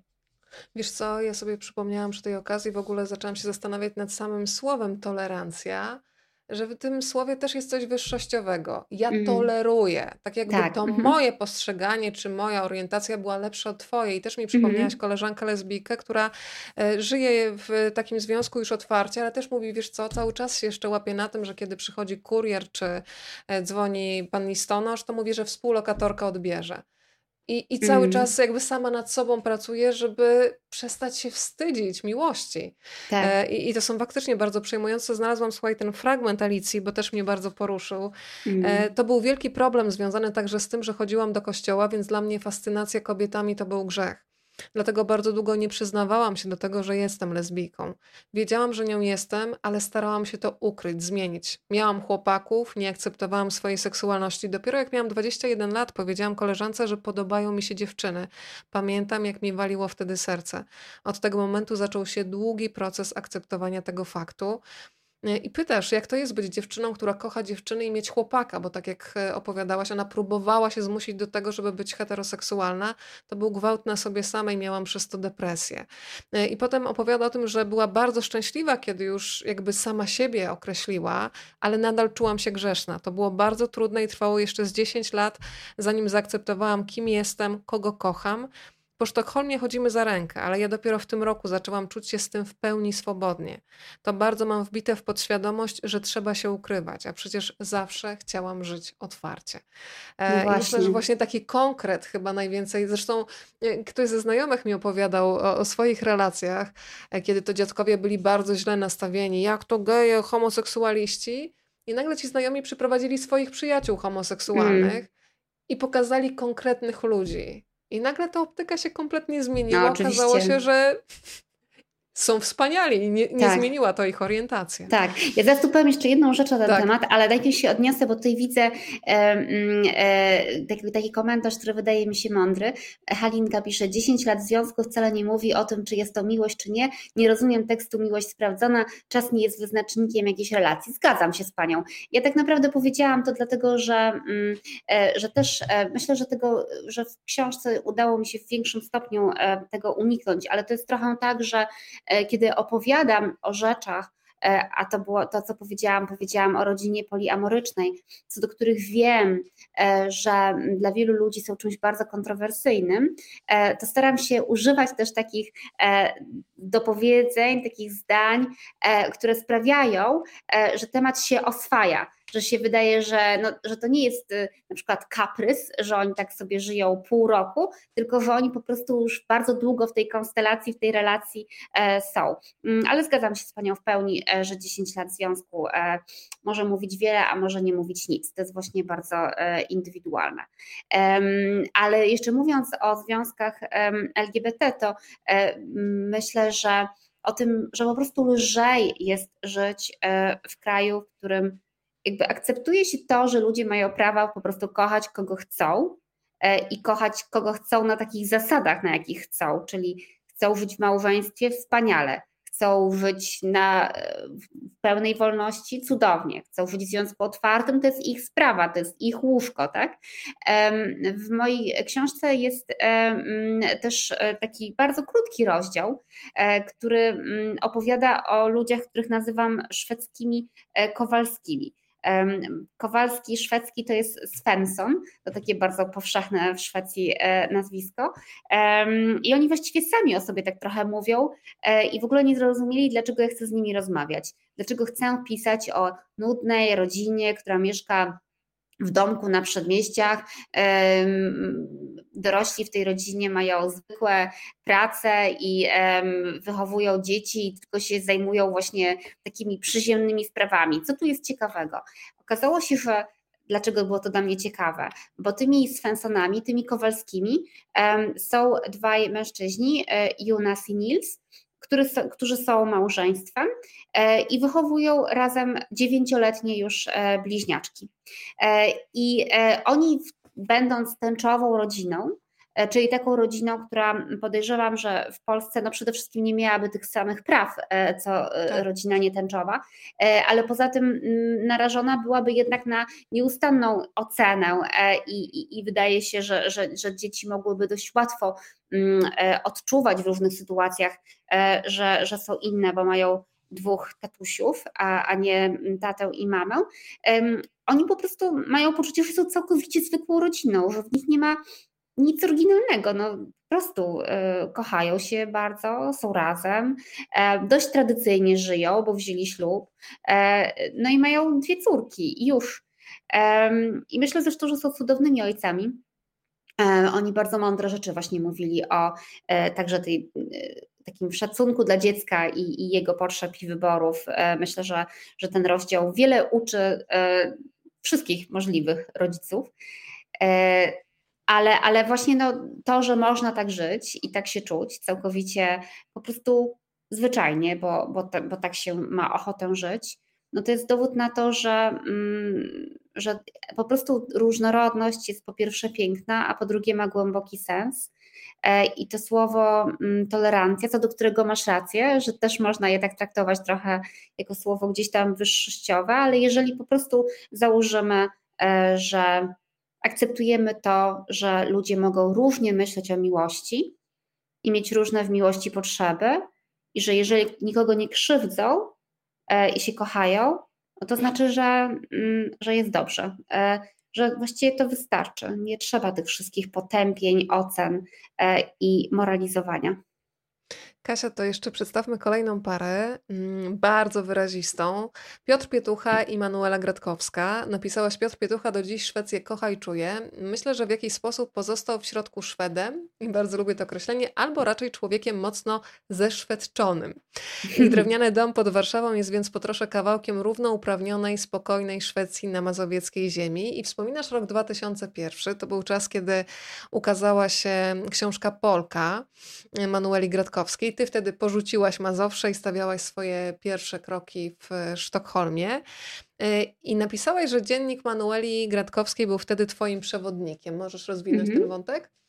No tak, dlatego że e, Manuela zresztą nie za bardzo Szwecję e, lubiła. Myślę, że dzisiaj lepiej mówi o Szwecji e, niż, niż wtedy, kiedy w niej mieszkała, ale rzeczywiście opisywała Szwecję i bycie w ciąży w Szwecji, a ja czytałam tę książkę także będąc w ciąży. E, także mm, no było wtedy dla mnie tam e, wiele rzeczy, mm, które e, wydawały mi się ciekawe i ważne.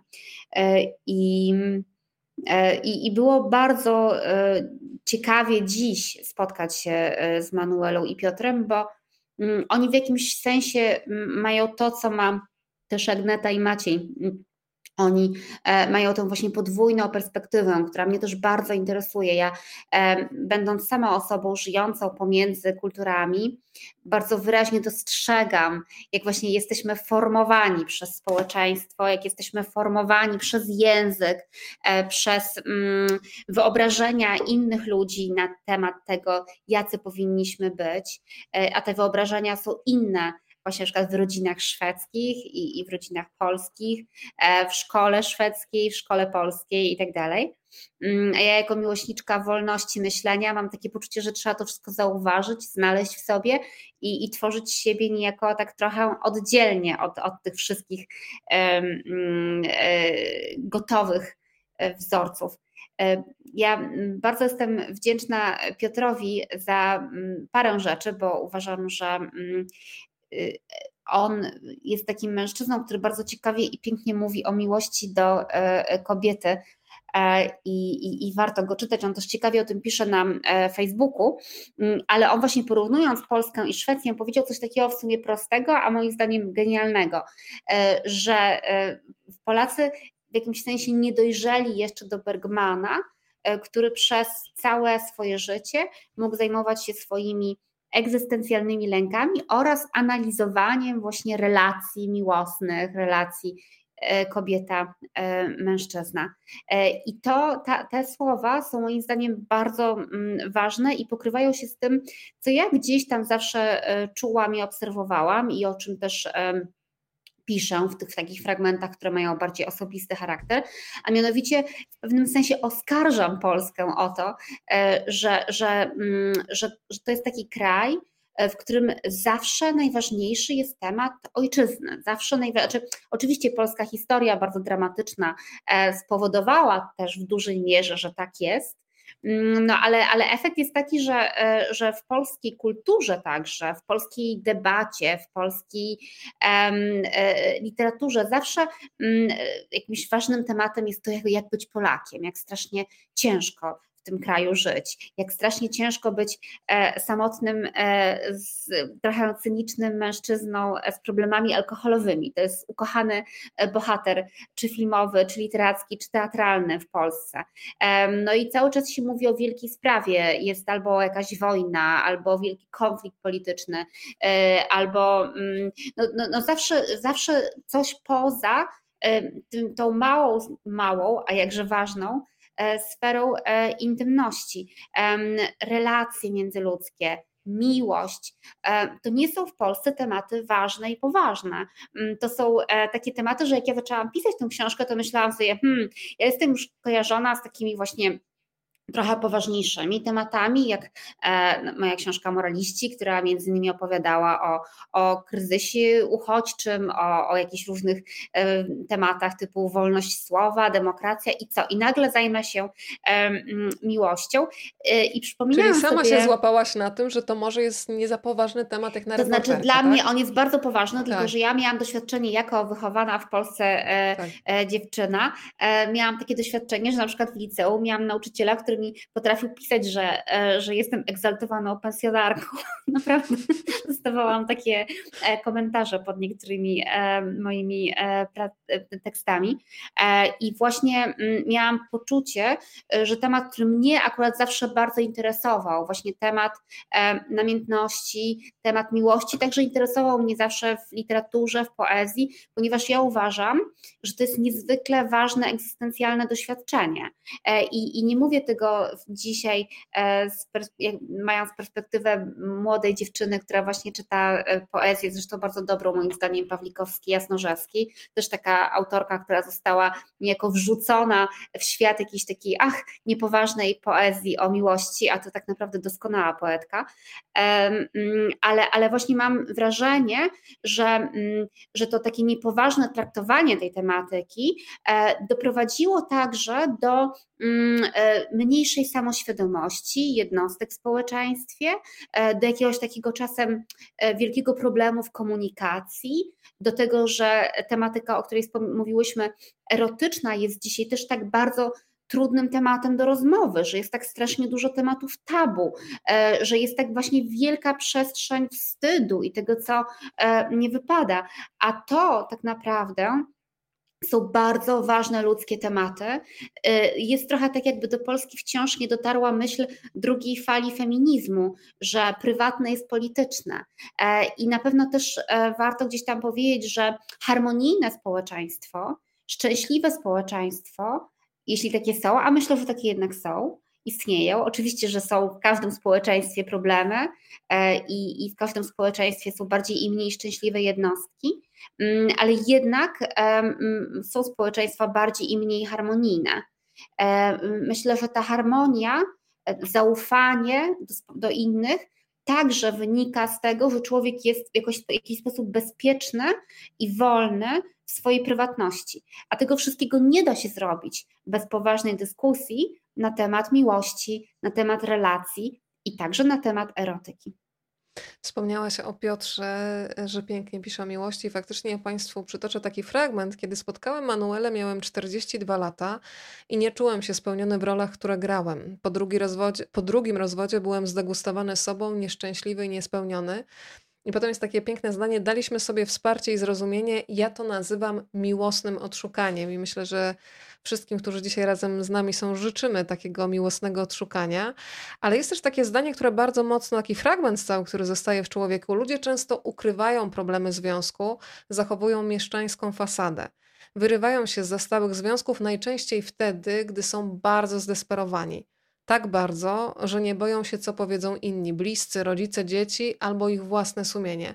Stąd ten romantyzm szalonych zakochań są tak silne, bo rozpacz bycia w czymś nieszczęśliwym jest tak obezwładniająca, że, sta że stać cię na to, żeby się z tego wyrwać tylko wtedy, kiedy się bardzo mocno i szaleńczo zakochasz.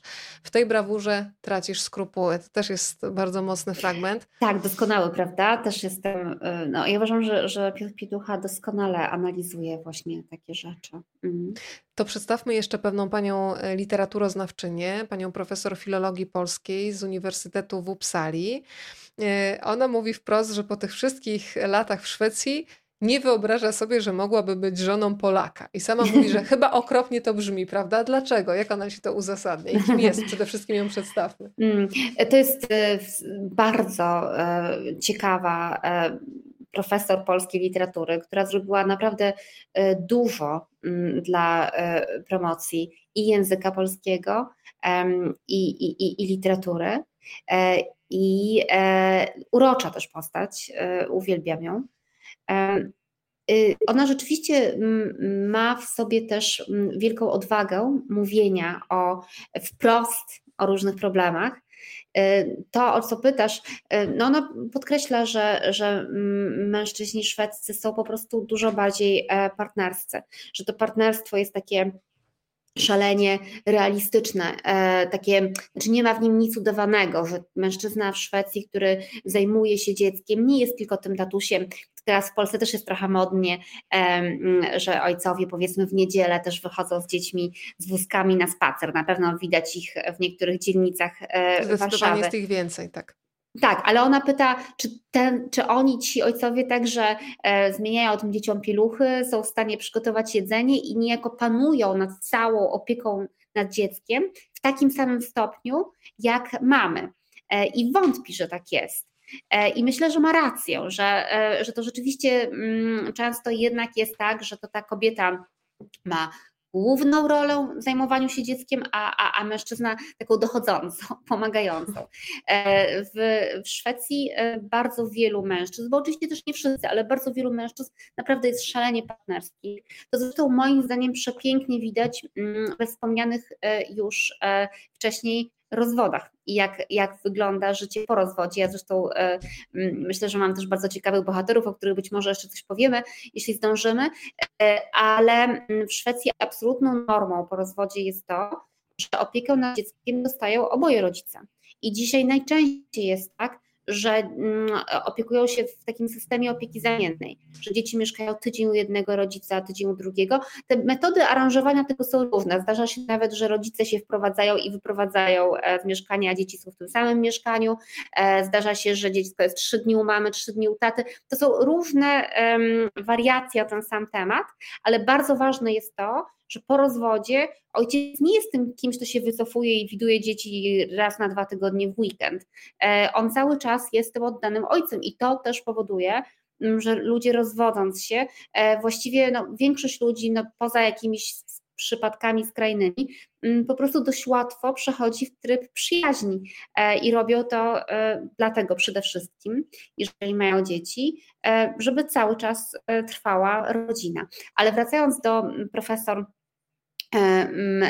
literatury z Uppsali, no to ja uważam, że rozmowa z nią jest niezwykle też ważna, bo ona opowiada w bardzo szczery, mocny i niezwykle mądry sposób o zdradzie i to o tym, że to ona zdradziła. E, I to zdradziła nie złego męża, nie kogoś, kto nie był dobrym przyjacielem, kto nie był kochanym tatą, kto nie był świetnym partnerem. Ona miała wspaniałego męża, o którym mówi naprawdę e, w najpiękniejszych słowach. A jednak e, związek, kiedy zresztą dzieci były dorosłe, jakoś się wypalił, a ona spotkała miłość życia. I opowiada o tym, o czymś, co na początku jest katastrofą, ale co dla tego związku, który istnieje, mm, ale co też można przekształcić przy odrobinie uczciwości i dobrych chęci w coś ostatecznie dobrego, e, w coś, e, mm, w taki układ, w którym e, wszyscy się jakoś odnajdują i jeszcze mogą się spotkać na święta i przy innych okazjach ale moim zdaniem mm, rozmowa z nią pokazuje parę, parę bardzo ważnych rzeczy. Dla mnie na przykład coś takiego, że bo bardzo często, kiedy mówi się o właśnie takich sytuacjach, że nagle, że dochodzi do rozstania z powodu osoby trzeciej i to na przykład w jakimś takim długoletnim związku to właściwie to zresztą zarówno w Polsce, jak i w Szwecji bardzo często jest coś, co wywołuje, mm, ta, ta osoba trzecia zwłaszcza, e, wywołuje e, e, negatywne reakcje. Mm, w Polsce częsty jest też taki argument, że jak można coś takiego zrobić dzieciom, przecież rodzina musi trwać.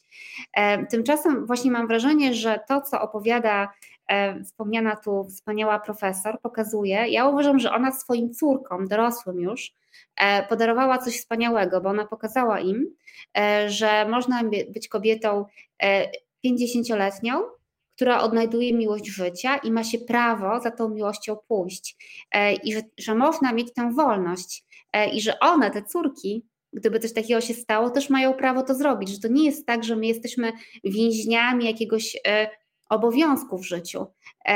My mamy prawo czasami iść za czymś, E, co mm, być może dla nas jest najwspanialsze, a, a kogoś innego nawet boli, ale w imię jakiejś prawdy uczuciowej. I że jeżeli to się zrobi, mm, no właśnie w taki sposób niejako uwzględniający w dialogu wszystkie strony, to to chyba, to pomimo tego, że jest to jakaś, ona, ona mówi o tym, że zdrada jest czymś strasznym, że ona zawsze gdzieś będzie miała wyrzuty sumienia, a jednocześnie absolutnie niczego nie żałuje i żyje dzisiaj w bardzo szczęśliwym związku, a jej były mąż, którego bardzo ceni i bardzo lubi, także jest w szczęśliwym związku. E, także mm, wszystko się ostatecznie poukładało. E, tak jak powiedziałam, w mojej książce jest bardzo wielu odważnych ludzi e, i bardzo wielu ludzi, którzy robią dużo dla miłości. A to, co dla niej robią, no to mogą być bardzo różne decyzje. Tutaj mówimy o czymś, co dla wielu jest niezwykle kontrowersyjne, a myślę, że było głęboką uczciwością i pójściem, pójściem za sercem. Tak, e, ja bardzo doceniam tę rozmowę właśnie za jej szczerość, e, bo ona mówi wprost o tym, że jako ta osoba, która odeszła, bardzo długo miała takie poczucie winy i nie ukrywa, że to było bardzo bolesne e, dla jej męża. Mm, I na początku opowiada o takim momencie, kiedy no, był przestój w kontaktach, bo one były za bolesne, poza sprawami dotyczącymi córek.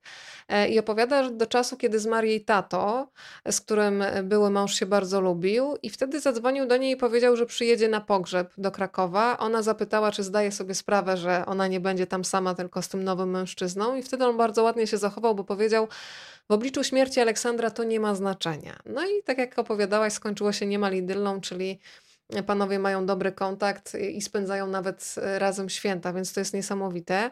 E, ja bym teraz jeszcze, Kasia, chciała porozmawiać już na finał naszego spotkania o bardzo pięknym rodzaju miłości, czyli o miłości rodzicielskiej, czyli tutaj Ciebie przedstawiam w roli mamy, tym bardziej, że mam tutaj po prawej stronie archiwum zdjęć. Zdjęć, mhm. które Państwo znajdą w książce Szwedzka Sztuka Kochania. Cykl jest zatytułowany Zmysłowość, a autorem tych zdjęć jest Daniel Tubylewicz. I oczywiście zbieżność nazwisk nie jest przypadkowa. To nie. proszę trochę o tej relacji powiedzieć, bo Kasia, myślę sobie, że taka miłość mm, i duma, która się rodzi, kiedy się patrzy na dojrzewającego człowieka, to jest też coś niezwykłego, więc wprowadź nas proszę w temat, a ja będę Państwu e, pokazywać część z fotografii, które znajdziecie w książce. No, no, e, Daniel e, jest naprawdę jakimś takim podarunkiem e, dla mnie, chociaż to jest teraz bardzo swoją własną osobą, ale w tym sensie, że mm, rzeczywiście my mamy niezwykły kontakt, Daniel i ja. Daniel ma dzisiaj już 21 lat, e, także jest w pełni dorosłym człowiekiem, wychowanym e, w Szwecji, urodzonym w Szwecji, ale ciekawe jest to, e, że Daniel dzisiaj studiuje w Polsce, bo chce być operatorem filmowym i dostał się na Wydział e, Operatorski Filmówki w Łodzi. Także, mm, także w tej chwili jest w Polsce, ale Daniel jest bardzo zdolnym fotografem też i robił zdjęcia do mojej poprzedniej książki Samotny jak Szwed, tylko mm, e, Samotny jak Szwed to było tak, że my razem podróżowaliśmy po Szwecji, to w ogóle była, to był wspaniały czas, za którym gdzieś tam tęsknimy. E, i, e, i Daniel robił takie reporterskie, swoje własne zdjęcia interpretujące temat samotności. I, i bardzo długo ten jego reportaż powstawał, który stał się taką takim uzupełnieniem mojej opowieści o samotności. E, mm, Szwedzka sztuka kochania e, to jest książka, do której, do której Daniel zrobił zdjęcia, ale zupełnie to inaczej przebiegało. Tych zdjęć jest mniej. E, to jest taka bardzo zmysłowa seria czarno-białych zdjęć te filiżanki uwielbiam. Myślę, że dostrzegacie ja Państwo ich zmysłowość. Część z tych zdjęć jest właśnie bardzo zabawnych. E, każde jest jakąś taką opowieścią, której się trzeba często uważnie przyjrzeć, e, żeby odkryć wszystkie poziomy tej opowieści. Seria ma tytuł e, Zmysłowość e, i, strasznie jestem szczęśliwa, bo mm, wydawało się, że Daniel nie będzie do tej książki zdjęć robił, do tej najnowszej książki, choć na początku mieliśmy takie plany, no ale potem dostał się na studia, całkowicie zmieniło mu się życie, ale, ale jednak zdążył, te zdjęcia są e, i myślę, że one mm, są znowu taką oddzielną historią, która tworzy bardzo piękny klimat. Mm, a, a, a ja w ogóle z Daniela jestem strasznie dumna i uwielbiam to, że, e, no, że ja należę do tych mam, które z jednej strony uwielbiały być, znaczy ja no, no w ogóle bardzo bardzo kocham być mamą Daniela, ale e, to jest tak, że, mm, że był wspaniały ten czas, kiedy on był dzieckiem, e, ale, ale nie mam czegoś takiego, e, co wiem, że często zdarza się mm, rodzicom dorosłych dzieci, szczególnie tych dzieci, które niedawno opuściły dom, że ma się taki syndrom opuszczonego gniazda e, i takie poczucie, że no co teraz zrobić z życiem. E, a ja mam takie bardzo silne poczucie wielkiej przyjaźni z Danielem. My jesteśmy mm, e, bardzo, bardzo dużo w kontakcie. Mamy też taką relację, mm, tu, w której ważna jest nasza praca kreatywna. Ja w tej chwili dużo rozmawiam z Danielem o jego powstających etiudach filmowych. On uważam robi szalenie ciekawe rzeczy. E, dużo opowiadam mu o tym, co ja robię. E, I, I jakoś tak jest, e, że, mm, że my jesteśmy do siebie, myślę, powiedziałabym, energetycznie, tak używając trochę języka jogi, trochę podobni, więc ta nasza relacja jest bardzo w jakiś sposób łatwa, e, w taki cudowny sposób łatwa. E, także mm, myślę, że że fajnie jest, e, kiedy tak może być, ale na pewno to, co sprzyjało tej, tej, tej relacji, no to właśnie mm, ja w ogóle nie mam takiego poczucia, że ja Daniela, e, znaczy wychowywałam oczywiście Daniela, ale, zawsze miałam takie poczucie, że on jest takim bardzo mądrym, ciekawym człowiekiem. Nawet miał 2-3 lata, był takim mądrym, ciekawym człowiekiem i że to właśnie była zawsze bardzo taka równościowa relacja, e, że mm, że zawsze była w tym przyjaźń e, i ona po prostu dalej sobie kwitnie. E, no i strasznie się cieszę, że Daniel robi zdjęcia do moich książek. Mam nadzieję, że do następnej e, zrobi dużo więcej. W ogóle marzy nam się, że znowu będziemy mieli jakąś taką możliwość gdzieś pojeździć, robić zdjęcia. E, no i też mamy gdzieś takie myśli, że, że może zdarzy się tak kiedyś, że ja napiszę scenariusz do jakiegoś jego filmu. Także nasza współpraca będzie trwać. Bardzo się cieszę. Przekaż wszystkie komplementy, które tutaj płyną w stronę Daniela i w ogóle waszego duetu. Mm, Właśnie gdziekolwiek jesteś, kimkolwiek jesteś, liczy się relacja. Tutaj cudowne zdjęcia, super zdjęcia. Państwo pozdrawiają. E, Kasia, e, drodzy Państwo, to jest ostatni moment, żeby zadać jeszcze pytanie. Państwo komentują, ale może ktoś ma gdzieś to coś schowanego, e, jeszcze jakaś ciekawość nie została zaspokojona. Jeżeli tak, to proszę śmiało pisać. Ja mam ostatnie pytanie ze swojej strony do Kasi, ponieważ jej bohaterowie mm, mówią o miłości, każdy na swój sposób. E, no to gdyby do ciebie dotarła Katarzyna Tubylewicz, którą nie jesteś teraz, zakładamy, i zapytała cię o twoją osobistą definicję miłości, co byś odpowiedziała? A to zaraz powiem, tylko jeszcze widzę, że pozdrawia nas e, Alicja i że Alicja i Kamila, e, moje jeden z moich bohaterek, to są w Sztokholmie, o. właśnie nas oglądają. Także bardzo Was pozdrawiamy i bardzo dziękuję Dziewczyny, za bardzo opowieść. Mocno. Wasza opowieść jest wspaniała. Mm, wiesz, mogę odpowiem Ci podwójnie na, tę, e, na, mhm. na to mhm. pytanie. E, pierwsza odpowiedź jest taka, że ja, kiedy zaczynałam pisać tę książkę, to byłam w takim momencie, w którym stwierdziłam, że, że ja właściwie nie wiem, czym jest dla mnie miłość, że ja tak jakby e, te, tej definicji właśnie nie mam, że coś jakby otworzyła się we mnie taka przestrzeń świadomości, że ja nie jestem pewna, czym dla mnie dzisiaj jest miłość, zwłaszcza e, w takim wymiarze e, mm, mm, właśnie relacji e, w parze. Coś jakoś nie, nie chciałam to na nowo zrozumieć. Teraz, kiedy napisałam tę książkę, to odkryłam, że właśnie wszyscy moi bohaterowie mają do miłości taki stosunek, że jest tam właśnie odwaga i jest jakiś bunt. E, bunt przeciw temu, co narzuca społeczeństwo, jakaś taka bliskość, która się która robi się jeszcze bardziej bliska e, w tym, e, że, mm, że coś jest takie bardzo osobne albo, albo wymaga obrony, dlatego że miłość się pojawia w jakimś dziwnym momencie, czy, czy, czy, czy, czy ludzi dzieli coś, co powoduje, że um, to jest jakby trudne do wytłumaczenia. Także ja myślę, że dla mnie w miłości jakimś ważnym elementem jest element e, buntu i że to jest taki bardzo piękny bunt, e, e, że to jest bunt osadzony bardzo silnie w pięknie i w takim poszukiwaniu bardzo głębokiego doświadczenia życia. E, także chyba taką w tej chwili buduję definicję miłości, ale ja się cały czas nad tym zastanawiam, a w ogóle to też nie wiem, czy nie jest tak z miłością, że jak zaczyna się ją wkładać w takie bardzo wąskie definicje, to ona zawsze z tego ucieka. E, że, że o, uwielbiam to zdjęcie.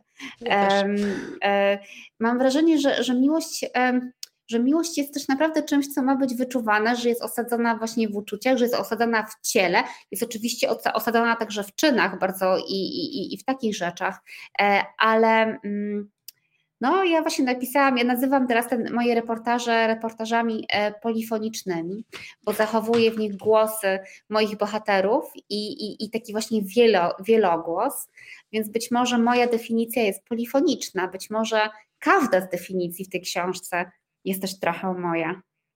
Wiesz co, ja też bardzo lubię takie zdanie Katrin, e, tutaj jeszcze mi się wyświetliło wręcz przed oczami, która pokazuje, jak bardzo jesteśmy też połączeni z ciałem. Ona mówi takie proste zdanie, świeża fascynacja jest czymś, co budzi całe moje ciało. Nie trzeba się nawet dotykać, żeby to czuć. I faktycznie e, człowiek ma w pamięci takie momenty, kiedy widzisz drugiego człowieka i masz w sobie jakąś mm. taką gotowość od razu, i to jest niesamowite. Ona to świetnie zamknęła w słowach, ale też przypominasz Szymborską, miłość szczęśliwa. Czy to jest normalne? Czy to poważne? Czy to pożyteczne? Co świat ma z dwojga ludzi, którzy nie widzą świata. Kasia, ale proszę, proszę. Ja tylko powiem, że ten, ten fragment wiersza Szymborskiej pojawia się w ostatnim rozdziale, o którym nie rozmawiałyśmy, ale ten rozdział jest um, rozdziałem, nad którym wielu ludzi płacze. Ja też płakałam. Mariusz e, Szczegieł płakał podobno, Płakał dwukrotnie, tak. Um, to jest przepiękna, niesamowicie romantyczna historia um, Liliany i Hermana Lindquistów opowieść o miłości absolutnie szalonej, o ludziach, którzy się tak kochają, że po prostu człowiek czuje to siedząc obok nich w taki sposób, w sposób właśnie niewykluczający, tylko taki niesamowicie nakręcający, taki inspirujący, taki um, bardzo ciepły. Um, I to są ludzie, którzy znaleźli tę miłość późno bo e, Herman, kiedy się szaleńczo zakochał w Lilianie, miał 66 lat, a ona miała 49 lat, kiedy go spotkała. I byli ludźmi, którzy już byli doświadczeni i mieli za sobą inne miłości, bo oczywiście znali miłość już wcześniej. No ale ta, której, którą znaleźli razem, e, jest czymś zupełnie przepięknym. E, I, I to jest właśnie ta miłość szczęśliwa, jedna z miłości szczęśliwych, które opisałam, ale na pewno nie jest przypadkiem, że ta książka e, kończy się tym rozdziałem, bo mam wrażenie, że on daje ogromną nadzieję i o, obala jeszcze jeden stereotyp, e, że, że miłość to jest takie coś, na co jest właściwy czas, a potem już nie ma właściwego czasu, że, że miłość to trzeba znaleźć, jak e, się planuje, nie wiem, założyć rodzinę i mieć dzieci w wieku lat 20, a potem to już, to już no, albo jest, albo nie ma, ale już nic nie można zrobić. Myślę, że miłość e, można, można być zawsze otwartym na miłość i to jest chyba też ważna myśl w tej książce. Każdy tę książkę przefiltrowuje przez siebie. Bardzo jesteśmy też ciekawe Państwa wrażeń. Jeżeli ktoś przegapił rozmowę z Mariuszem Szczygłem, to też serdecznie Państwu polecam. E, Kasia, powiedz jeszcze, gdzie Cię będzie można spotkać w najbliższych dniach, bo będziesz w Warszawie i jeżeli komuś z Państwa jeszcze jest mało i mają ochotę na więcej, a każdy na pewno będzie pytał o coś innego, to gdzie Cię można spotkać? O, będzie mi przemiło. E, premiera taka na żywo książki będzie w Big Book Cafe w Warszawie, świetnym miejscu, 26 e, maja o godzinie 19.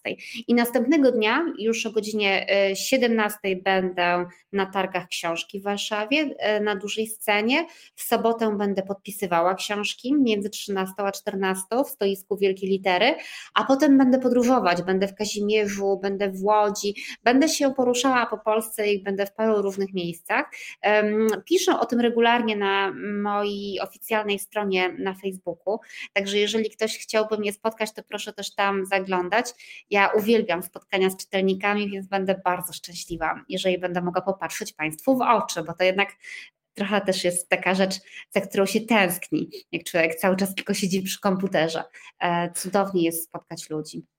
A czytelnicy też tęsknią za autografami, których jednak online'owo się nie da przekazać z nie. osobistymi dedykacjami. E, Kasia, powiedziałaś, że zbliża się taki czas, że może będziecie więcej podróżować jeszcze z Danielem przy pracy nad kolejną książką. Czy my cokolwiek możemy zdradzić, jaki temat teraz zajmuje Twoją głowę i serce?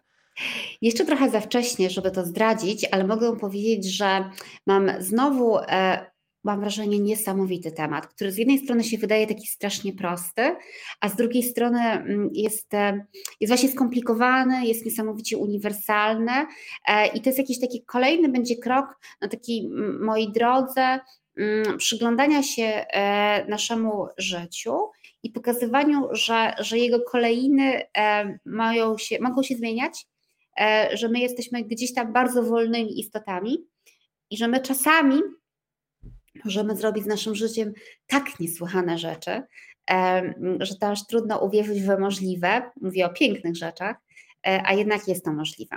Także wiem, że zabrzmiało to tak bardzo enigmatycznie, e, ale mm, jeszcze chwila i będę o tym mówiła e, bardziej wprost, jak podpiszę umowę może z wydawnictwem.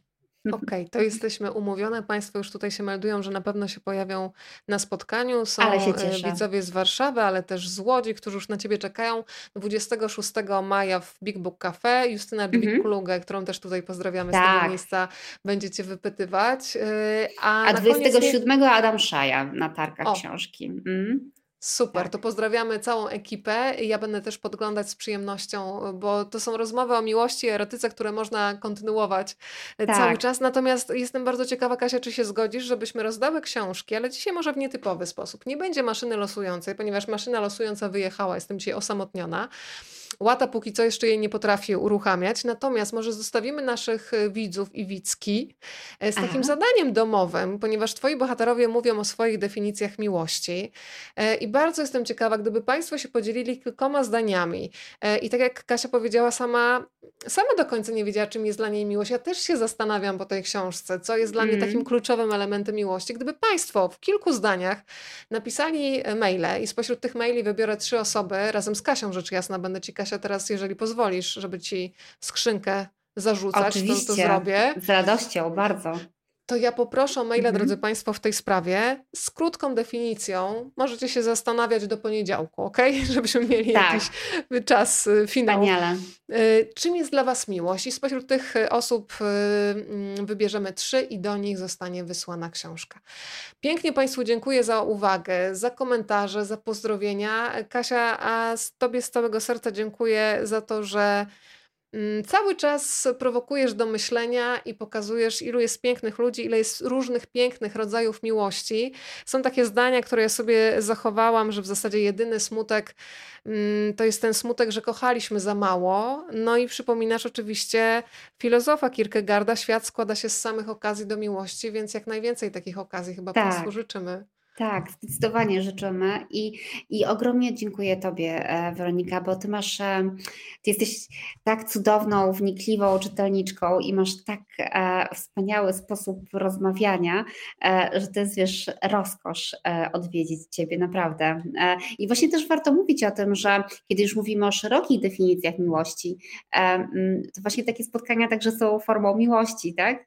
Jest coś takiego jak taka, mm, jak miłość do czytania, jak miłość do ludzi, jak taka ciekawość e, drugiego człowieka. Ja uważam, że ty tego masz strasznie dużo, e, także po prostu rozdajesz miłość w dużych porcjach i to jest wspaniałe. Dzięki Ci za to. Ja Ci bardzo dziękuję, że nas nakarmiłaś wspaniałym słowem i mogę teraz powiedzieć, drodzy Państwo, w imieniu nas wszystkich, że przeżyliśmy wspólną rozkosz dzięki szwedzkiej sztuce kochania. Dobranoc, pięknie Ci dziękuję. Dobranoc, Kasia. dzięki ogromne. Dobranoc Państwu.